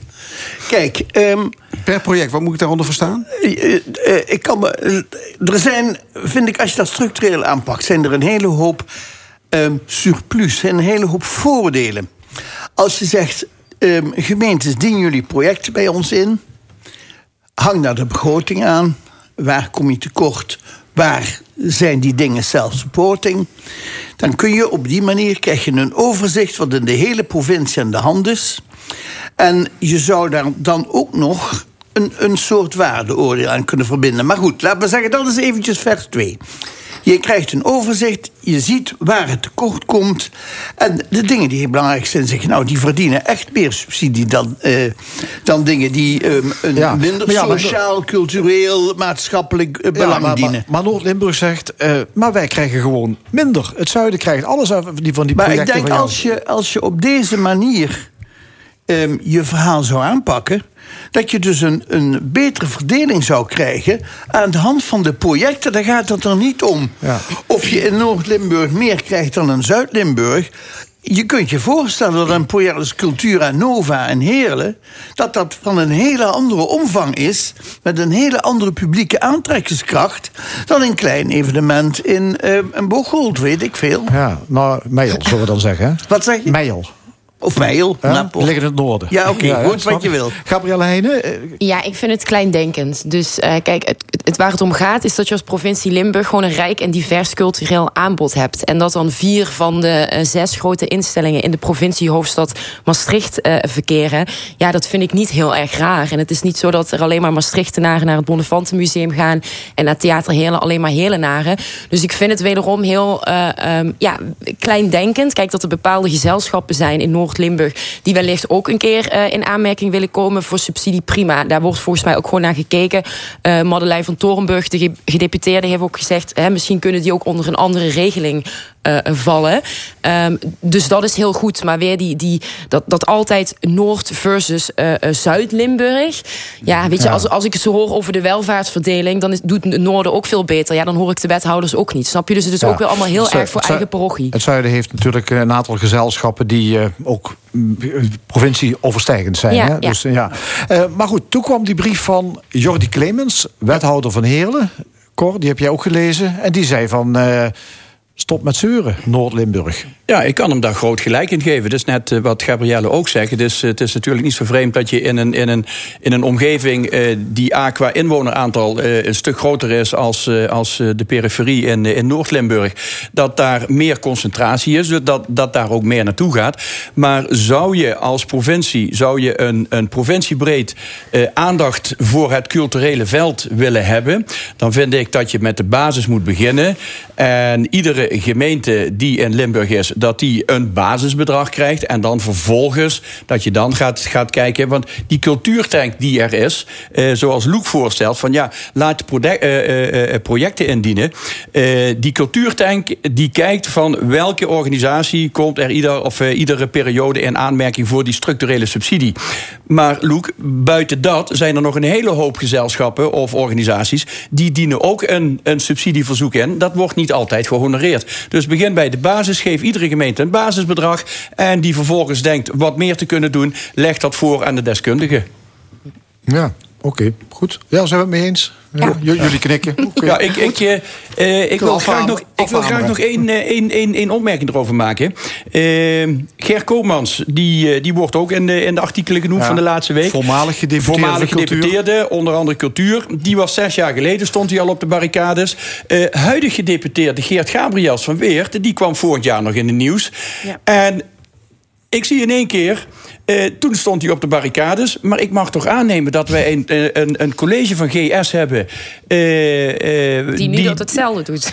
nou, die, die, die in ieder geval ehm, ehm, daar overleg over hebben. Dat je als collega-gedeputeerde vraagt van... God, hey, collega Gabriels, het volgend jaar gaf jij dit signaal af. van hoe denk jij dat? Hoe zou ik, mevrouw van Torenburg... hoe zou ik dit nu in de praktijk kunnen brengen? Maar... Goed, ja, het is een andere rol ook nu. Dus daar moet dan inderdaad wel eh, binnen ja, het college zou- breder ik- over worden ik, gesproken. heb, ik heb begrepen dat de gedeputeerden, eh, de gedeputeerden die er nu zitten... dat die op basis van hun kenniskunde en ervaring dat die daar zitten. Dus, maar in de praktijk blijkt daar schijnbaar van samenwerking heel weinig van. Het is jammer. Wil ik even kwijt. De, de, de gesprekken hierover zijn nog gaande. Eh, de drie grote mbo-opleidingen in Limburg eh, slaan de handen ineen... om het tekort aan vakmensen in Limburg aan te pakken. De nood is hoog, niet alleen in Limburg trouwens. Is dit een initiatief op regionaal niveau eh, een, een goed plan? Loek? Ik vind het een fantastisch plan. Ja? Ehm, uitgaande van het feit, vakmanschap is meesterschap... zal iedereen om zich heen kijken, langzaam maar zeker tot de conclusie komen... dat achte, echte vakmensen steeds schaarster worden. Ja. Terwijl de universiteiten overlopen, dat je daar eh, al een nummertje moet trekken... wil je daar meedoen, is er een enorm tekort aan dit soort vaklieden... die, eh, laten we zeggen, iedere dag nodig zijn. Ja, je hebt het over mensen in de met, die met computers kunnen omgaan. Mensen in de zorg, niet te vergeten. Ook een, een sector die je natuurlijk... eh, Tuurlijk, maar een goede loodgieter, een goede Ja. timmerman, ga door. Je hebt... eh, laten we zeggen, MBO-niveau dus, hè? ja, een nieuwe. Middelbaar laten, we, beroepsonderwijs. laten we daar eens mee beginnen. Ja. Want laten we zeggen, daar wordt het vak geleerd. En daar krijgen de mensen onderricht hoe het moet. En dat ze daar nu hele praktische voorstellen voor hebben ontwikkeld. om dat meer in bedrijven te gaan doen. En minder in de schoolbanken. Dat, is, dat lijkt mij volkomen aansluiten bij de behoefte die er is. Maar ik vind het dus een perfect plan. En ik, ik ben bang als we daar geen oog voor hebben. En als we dat niet, niet honoreren. dat we over 10, 15 jaar in de grootste problemen komen te zitten. Dat dan die wegwerpmaatschappij van iets werkt niet meer. Wegsmijten, nieuw aanschaffen, dat dat nog. eh, eh, dat dat erg? Nou ja, voor de verduurzaming, dus de energietransitie, heb je gewoon eh, mensen nodig. Maar ook bijvoorbeeld, we willen 1 miljoen woningen bij gaan bouwen. Ja, dat moeten wel mensen gaan doen. Ik denk dat het, het grootste probleem ook al is, is dat toch MBO-studenten vaak ook wel bijna als een soort ander soort mens worden gezien. Ja? Ik heb als, als raadslid. Heeft het met imago te maken? Ja, zeker. Ik heb als raadslid in Maastricht heb ik een tijd terug ook gepleit dat bijvoorbeeld MBO-studenten ook eens worden meegenomen in het woningaanbod. Hè. Door MBO-studenten gaan veel minder snel. Zelfstandig al wonen, blijven vaker langer thuis. Eh, maar als je ziet hoe, hoe men daar dan al wordt behandeld... Hè, men heeft altijd de voorkeur aan hbo of wo. Dus dat is al, vind ik, al een heel duidelijk voorbeeld... hoe ja, er toch een beetje minachtig over, over mbo-studenten eh, wordt nagedacht. Dus ik denk wel dat we, ja, dat we dat veel meer moeten gaan waarderen. Want die mensen hebben we gewoon heel hard nodig. Hoe, Ja. hoe kan dat eigenlijk? Want ik denk dat een goede loodgieter wellicht meer gaat verdienen dan een, eh, Ja, iemand die als politicoloog gaat afstuderen. Ja, waarschijnlijk wel, ja. Ja, Gabrielle die zegt het al, het heeft, heeft ook iets met, met, met imago te maken. Eh, ja, MBO, eh, provincie Limburg, die eh, heeft de laatste jaren heel erg... ehm, ingezet op, op de kenniseconomie, eh, de Bright Campus, eh, et cetera, noem maar op. Eh, en natuurlijk, dat, moet je, dat zijn sectoren die moet je ook niet vergeten. Maar aan de andere kant, er wordt zoveel onderzoek gedaan. Limburg is altijd al koploper, een van de koplopers met vergrijzing, met ontgroening geweest.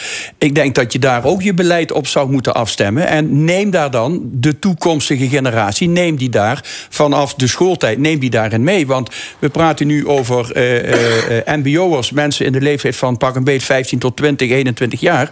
Dat is wel de toekomstige generatie die, eh, ja, die het voor ons moet gaan doen. Ja, maar als de scholieren kiezen voor eh, VWO-onderwijs of voor HAVO-onderwijs en niet voor dat MBO-onderwijs, dat is toch een persoonlijke keuze van die leerlingen? Dat is een persoonlijke dat kun je keuze. toch niet afdwingen? Nee, dat kun je niet afdwingen, maar ik, de- eh, dwingen, maar ik denk wel dat je met een stukje eerlijke voorlichting dat je veel verder bereikt. Want stel, stel nou voor dat ieder, iedereen die nu in Nederland vanaf de lagere school dat die, dat die een traject inzet wat uiteindelijk eh, resulteert in een of in een HBO of in een wetenschappelijk onderwijsopleiding, dan, hebben wij een probleem. Nou, en ik denk ook dat het twee dingen zijn. Kijk, één, eh, leven we in een tijd waarin de prestatiedruk gewoon heel hoog is. Hè? Dus we willen ook allemaal naar die universiteit. En eh, twee is wat ik, ja, hè, als, als we klein zijn bijvoorbeeld en mensen zeggen tegen je van doe het goed op school, dan bedoelt niemand daar eigenlijk mee, nou maak een mooie praktisch geschoolde MBO-opleiding af. Dus daar zit al een probleem. En twee is ook dat we inderdaad veel te veel op het individu gericht zijn. Dus we willen allemaal inderdaad die top bereiken. Terwijl we moeten nu gewoon als, als collectief, als maatschappij gaan kijken van wat hebben wij nodig. En we Hebben staan hebben voor we het nu over de leerlingen of hebben we het over de ouders van die leerlingen? Waar gaat het over? we hebben het over onze samenleving, daar hebben we het over. Het- dat is het probleem. Nou ja, weet je, eh, herinner je nog die bierreclame in der tijd, hè, waar ik net mijn praatje mee begon? Vakmanschap is meesterschap. Daar werd dat ambacht, werd als het ware met het gouden randje omrand. En eh, dat werd op een, op een hoger voetstuk geplaatst. Ik denk dat ehm, campagnes die eh, de een na de ander elkaar opvolgen over de meest uiteenlopende onderwerpen, dat hier ook eens een campagne op gericht zou worden. Hoe waardevol is het niet? Loek, ieder jaar komen die scholen eh, in beeld en, en adverteren. En dat geldt voor HBO, Ja, dat het, gaat geldt niet, voor het, MBO. het gaat niet, het gaat niet alleen om de scholen. Het gaat ook om het ambacht aan zich. En de Maar op het moment dat je impact. het ambacht op een hoger Ja. niveau tilt... dat je laat zien dat dat een fantastisch iets is... zullen er mogelijk ook meer mensen zeggen... ja, maar dat zou ik wel willen dat doen. begint al op de lagere school dus. Dat je iets toevoegt ook aan de Maar maatschappij. dat- dat Net- is een stukje eerlijke voorlichting wat ik, eh, wat ik net probeerde aan te geven. Ja. Eh, zometeen we het hebben over de oprispingen van Thierry Baudet en companen Ja. in de Tweede Kamer. Eh, Maar eerst even iets anders. Weert wil permanent een rookverbod in de natuur instellen. Is dit nou ultieme betutteling of is het gewoon noodzaak gezien bijvoorbeeld de bosbranden van de afgelopen jaren? Noodzaak. Ik vind dat een hele redelijke maatregel. eh, als we gewoon bossen afbranden omdat mensen te dom zijn om hun sigaret fatsoenlijk uit te maken. of eh, zelfs van kwade wil zijn. Eh, maar goed, de vraag die bij mij dan altijd opkomt is: hoe ga je dit handhaven? Eh, ik geloof dat er hele hoge boetes op staan. Maar goed, het, het handhaven zal wel een dingetje worden. Maar verder eh, prima maatregel. Ja? Iemand, ja. kijk jij of, dat, ja, of dat permanent opgelegd moet worden, weet ik niet. Ik denk dat het vandaag bijvoorbeeld vrij nutteloos is om een rookverbod in te stellen. Maar in periodes waar de kans op bosbranden of heibranden groot is, ik denk dat dat wel een goede maatregel zou zijn. Ja. Maar ik sluit me aan bij Gabrielle van ja, hoe, hoe ga je het handhaven? Ja, je kunt je ook afvragen waarom zou je nou. Ja, als je dan wil roken, eh, stom natuurlijk. Maar ja, als je het dan wil doen, waarom zou je niet ergens eh, buiten een sigaret mogen Ja, opsteken? maar ze zijn al buiten. Nee, maar hij bedoelt dat niet. Waarom zou je nee, dan niet... eh, maar weet je, ik, eh, ik vind het... ehm, dus voor die bosbrand eh, uitgangspunten, dat begrijp ik volkomen. Dan zeg ik, heb je goed, dat is goed gedaan, goede beslissing, ga ik graag mee. Verder vind ik het, vind ik het ehm, uiterst dubieus. Het is, zoals gezegd, niet te handhaven. Want stel je nou voor, hè, die man die rondloopt met de gedachte... dat hij dat bos in de brand wil steken... die heeft daar helemaal geen sigaret voor nodig. Die weet wel een andere manier om dat te doen. Dus laten we zeggen, het is maar een, een halfslachtig iets. Ik vind het dus wel betutteling. Het heeft, het heeft natuurlijk ook te maken met, met, met verantwoordelijkheid. Ik heb net de voorgaande sprekers aan de tafel gehoord... de discussies over 2G, vaccineren, et cetera. Het heeft ook met te maken met een stukje verantwoordelijkheid. A, ik rook niet, maar ik zou in een, in een gordroge periode... zou ik het nog niet in mijn hoofd halen... om met een sigaret over de hei te gaan rondlopen. Ja, maar ja, niet. niet iedereen die is zoals ik ben. Dus die Helaas. is- Ja, maar daarbij heeft komt, ik rook wel dan. Maar ook niet heel veel. Maar goed, ik, ik rook dus wel. Ehm, ik let ook altijd voor, erg goed op waar ik mijn sigaret uitmaak. En of die daadwerkelijk ook wel uit is. Ja, dat denken veel rokers, hè? Dat ze goed Maar opletten. ik denk wel, bijvoorbeeld, oh, en mochten er mensen of jongeren zijn die in de zomer hè, wat gaan borrelen in het bos. En je weet, oké, ik mag nu niet roken en ze houden zich eraan. Ik denk dat je daar wel echt wel eh, op bespaart, om het maar even zo te zeggen. Want dat zijn vaak de situaties dat een peukje makkelijk wordt weggegooid en vervolgens eh, ontstaat er een brand. Ja, zo heb ik, het zo heb ik een brandweerman wel eens horen zeggen... dat hij noemde dat roken in bed. Ja. Dat vond ik wel een hele niet heel. Tot slot, uw tijd komt nog wel, want er komt een tribunaal. Dit is geen citaat uit een James Bond film, ook niet uit het tv-programma Rijdende Rechter. Dit zijn de woorden van Kamerlid Pepijn van Houwelingen van Forum voor Democratie aan het adres van D66-Kamerlid Sjoerd Sjoerdsma afgelopen week. Dreigende taal en op de man af. Geacht panel, even puntje van orde, moeten we het hierover hebben? Ja, ja, zeer zeker. Gabriel. Ja. ik kan me daar dus echt ontzettend kwaad om maken. En wat Ja, dat nog- heb je ook gedaan deze ja, week, dat zag heb ik, ook Twitter. gedaan. En wat me enorm stoort, is dat het nu ook zo breed wordt getrokken over omgangsvormen. Hè. En Mhm. we hoeven het helemaal niet over omgangsvormen te hebben. Want een bepaalde verharding in het debat, hè, als je jaren terugkijkt, worden wel eens vaker politieke vegen uit de pan gegeven. Maar waar het nu om gaat, is dat we gewoon een staatsgevaarlijke partij hebben. eh, die onze rechtsstaat ondermijnt en onze democratie. En daar moet je gewoon flink tegen optreden. En hè, we moeten vast eh, de procedure volgen. Dus goed dat Vera Bergkamp een gesprek achter de schermen gaat voeren. Hè, want Maar zeg je nu dat eigenlijk die, de, de woorden aan zich eh, nog niet zo zijn... maar dat het om de partij gaat die het doet? Ja, nou ja, die, die woorden waren uiteraard eh, verschrikkelijk. Het was gewoon een dreigement. Maar deze partij, al die FVD-bijeenkomsten, wat daar gezegd worden, dus gewoon opruiing. Eh, er gaan berichten rond op Telegram waar men eigenlijk aanzet om tot fysiek geweld, fysiek verzet over te gaan. Het is gewoon levensgevaarlijk en we moeten er tegen optreden. En een gesprekje over omgangsvormen is daarbij niet voldoende. Dat station is gepasseerd. En ik vrees, dat station is gepasseerd. En ik vrees dat eh, als mensen met dit soort boute ideeën in hun kop rondlopen. Het, in een zodanige andere wereld leven. dat ze ervan overtuigd zijn. dat er rechtbanken zullen worden opgericht. om deze hele foute, ehm, levensgevaarlijke beslissingen in hun mening als, als ehm, coronamaatregelen, om die te veroordelen, dan ben je toch van God los, dan ben je niet meer te redden. En het ergste vind ik ook nog dat zoiets in de volksvertegenwoordiging zit. Er zijn dus blijkbaar lieden die zo in diezelfde andere wereld leven, die daarop stemmen. Daar maak ik me nog vele grotere Maar dat zorgen komt, over. ook, dat komt deels ook. Hè. Vaak wordt er gezegd, ja, eh, de redelijke middenpartijen, de gevestigde orde, heeft geen goed antwoord gehad op bepaalde vraagstukken. Ik denk het grootste probleem is gewoon misinformatie en allerlei leugens die gewoon ongecontroleerd het internet eh, eh, opgaan. En heel veel mensen, ook oudere mensen, ook bijvoorbeeld zoals mijn tante.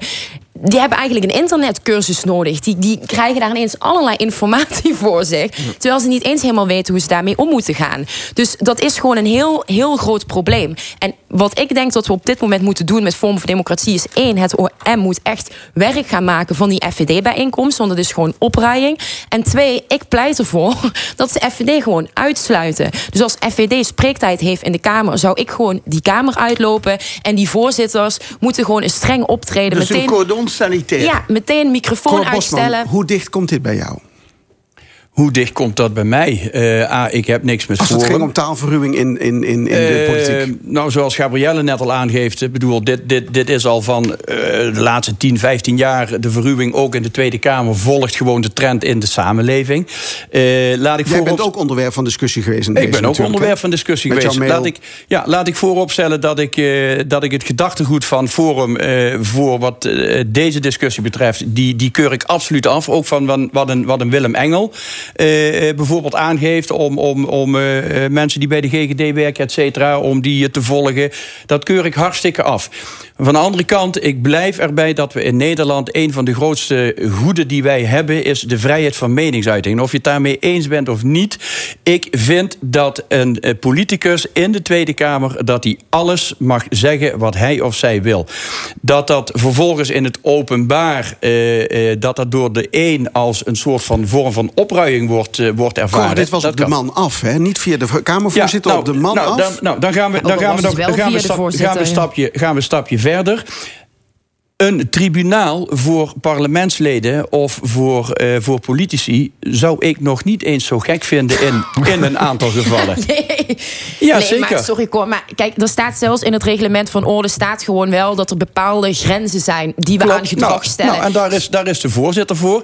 Ja, maar, die niet Maar hard toch, als je op de man af gaat zeggen... jij gaat vervolgd worden, er komt een tribunaal. Ja, maar dat is, dat maar zijn, dat luister, dat zijn, dit zijn niet mijn woorden. dat was, nee. dat was van meneer Van ervan? Maar ik zou Ik, ik, dat, hij, hij gaat over zijn eigen woorden. Daar, daar ga ik maar hij niet gaat over. ook over het aanzien van de Tweede Kamer. En die Nou, komt nu het ook haat- in het nou, geding. nou, als we het- en dan nou, moet je als we echt het op- ingrijpen. Er als we zijn het- ook grenzen. Als we het over het aanzien van de Tweede Kamer hebben, dan vind ik een vorm van een tribunaal.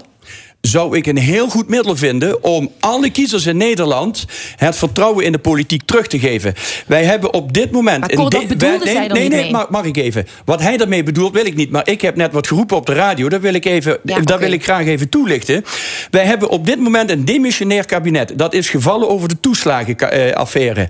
Datzelfde kabinet dat veegt zich nu de kont af met alle gevolgen van die toeslagenaffaire. En ze treden af en ze hoeven op geen enkele wijze meer verantwoording af te leggen. En sterker nog, hetzelfde groepje zit nu weer, kruipt Ja. nu weer Ja, bij maar elkaar. ik in heb moeite dit met is jouw redenatie. Nee, Dit is maar een andere discussie, En dan, en dan zou een tribunaal Nee, maar in dit soort gevallen. Dit maar is nog- dus echt een probleem, want dit is zo'n foute redenatie. Want weet je wat zo'n forum-waanzinnigen dan doen? Die denken, zie je, iemand heeft toch enigszins, zegt dat ik enigszins wel ergens gelijk in heb. Nee, en ik dat zeg- is, ja, maar dat is wel ik heel erg niet, gevaarlijk. Ik zeg niet dat Forum gelijk. Ik heb net zelfs sterk afstand Ja, genomen maar van dit soort bewoordingen. Bijvoorbeeld microbioloog Roxanne Herzberger, die in de NRC, die zei dan ook laatst van ja, ik ben tegen 2G. En nu zie je toch dat Willem Engel en Baudet in bepaalde opzichten misschien wel gelijk hebben. Wat gaan dan al die complotdenkers Ja. doen? Die gaan zeggen, zie je, zo'n vrouw die, die is eindelijk tot een ander inzicht gekomen. En wij hebben wel degelijk een punt. Terwijl ze hebben geen enkel punt. Dit is gewoon pure waanzin en grote complotdenkers die je gewoon NRC, echt NRC, moet... NRC Eelco Hartenveld, politicoloog van de, van de, Amst- van de Universiteit Amsterdam. eh, die, Dank- heeft, die heeft daar een stukje over Dank, geschreven. Wel, dank jullie wel. Gezien de tijd moeten we er een einde aan maken. De discussie gaat hier nog even voort, denk ik. Dank wens jullie wel. Gabrielle. Heijnen, Loek Hustings en Cor Bosman. Dit was de stemming, vandaag gemaakt door Erwin Jacob, Angel Zwarts, Robin Vink, Frank Ruber en Paul Verstegen. Volgende week zondag zijn we er weer, iets na 11 uur. En dit programma is ook te beluisteren via onze website l1.nl en via podcast. Zometeen het NOS-journaal van 1 uur. En daarna kunt u luisteren naar L1 Sport Co. Nog een mooie zondag.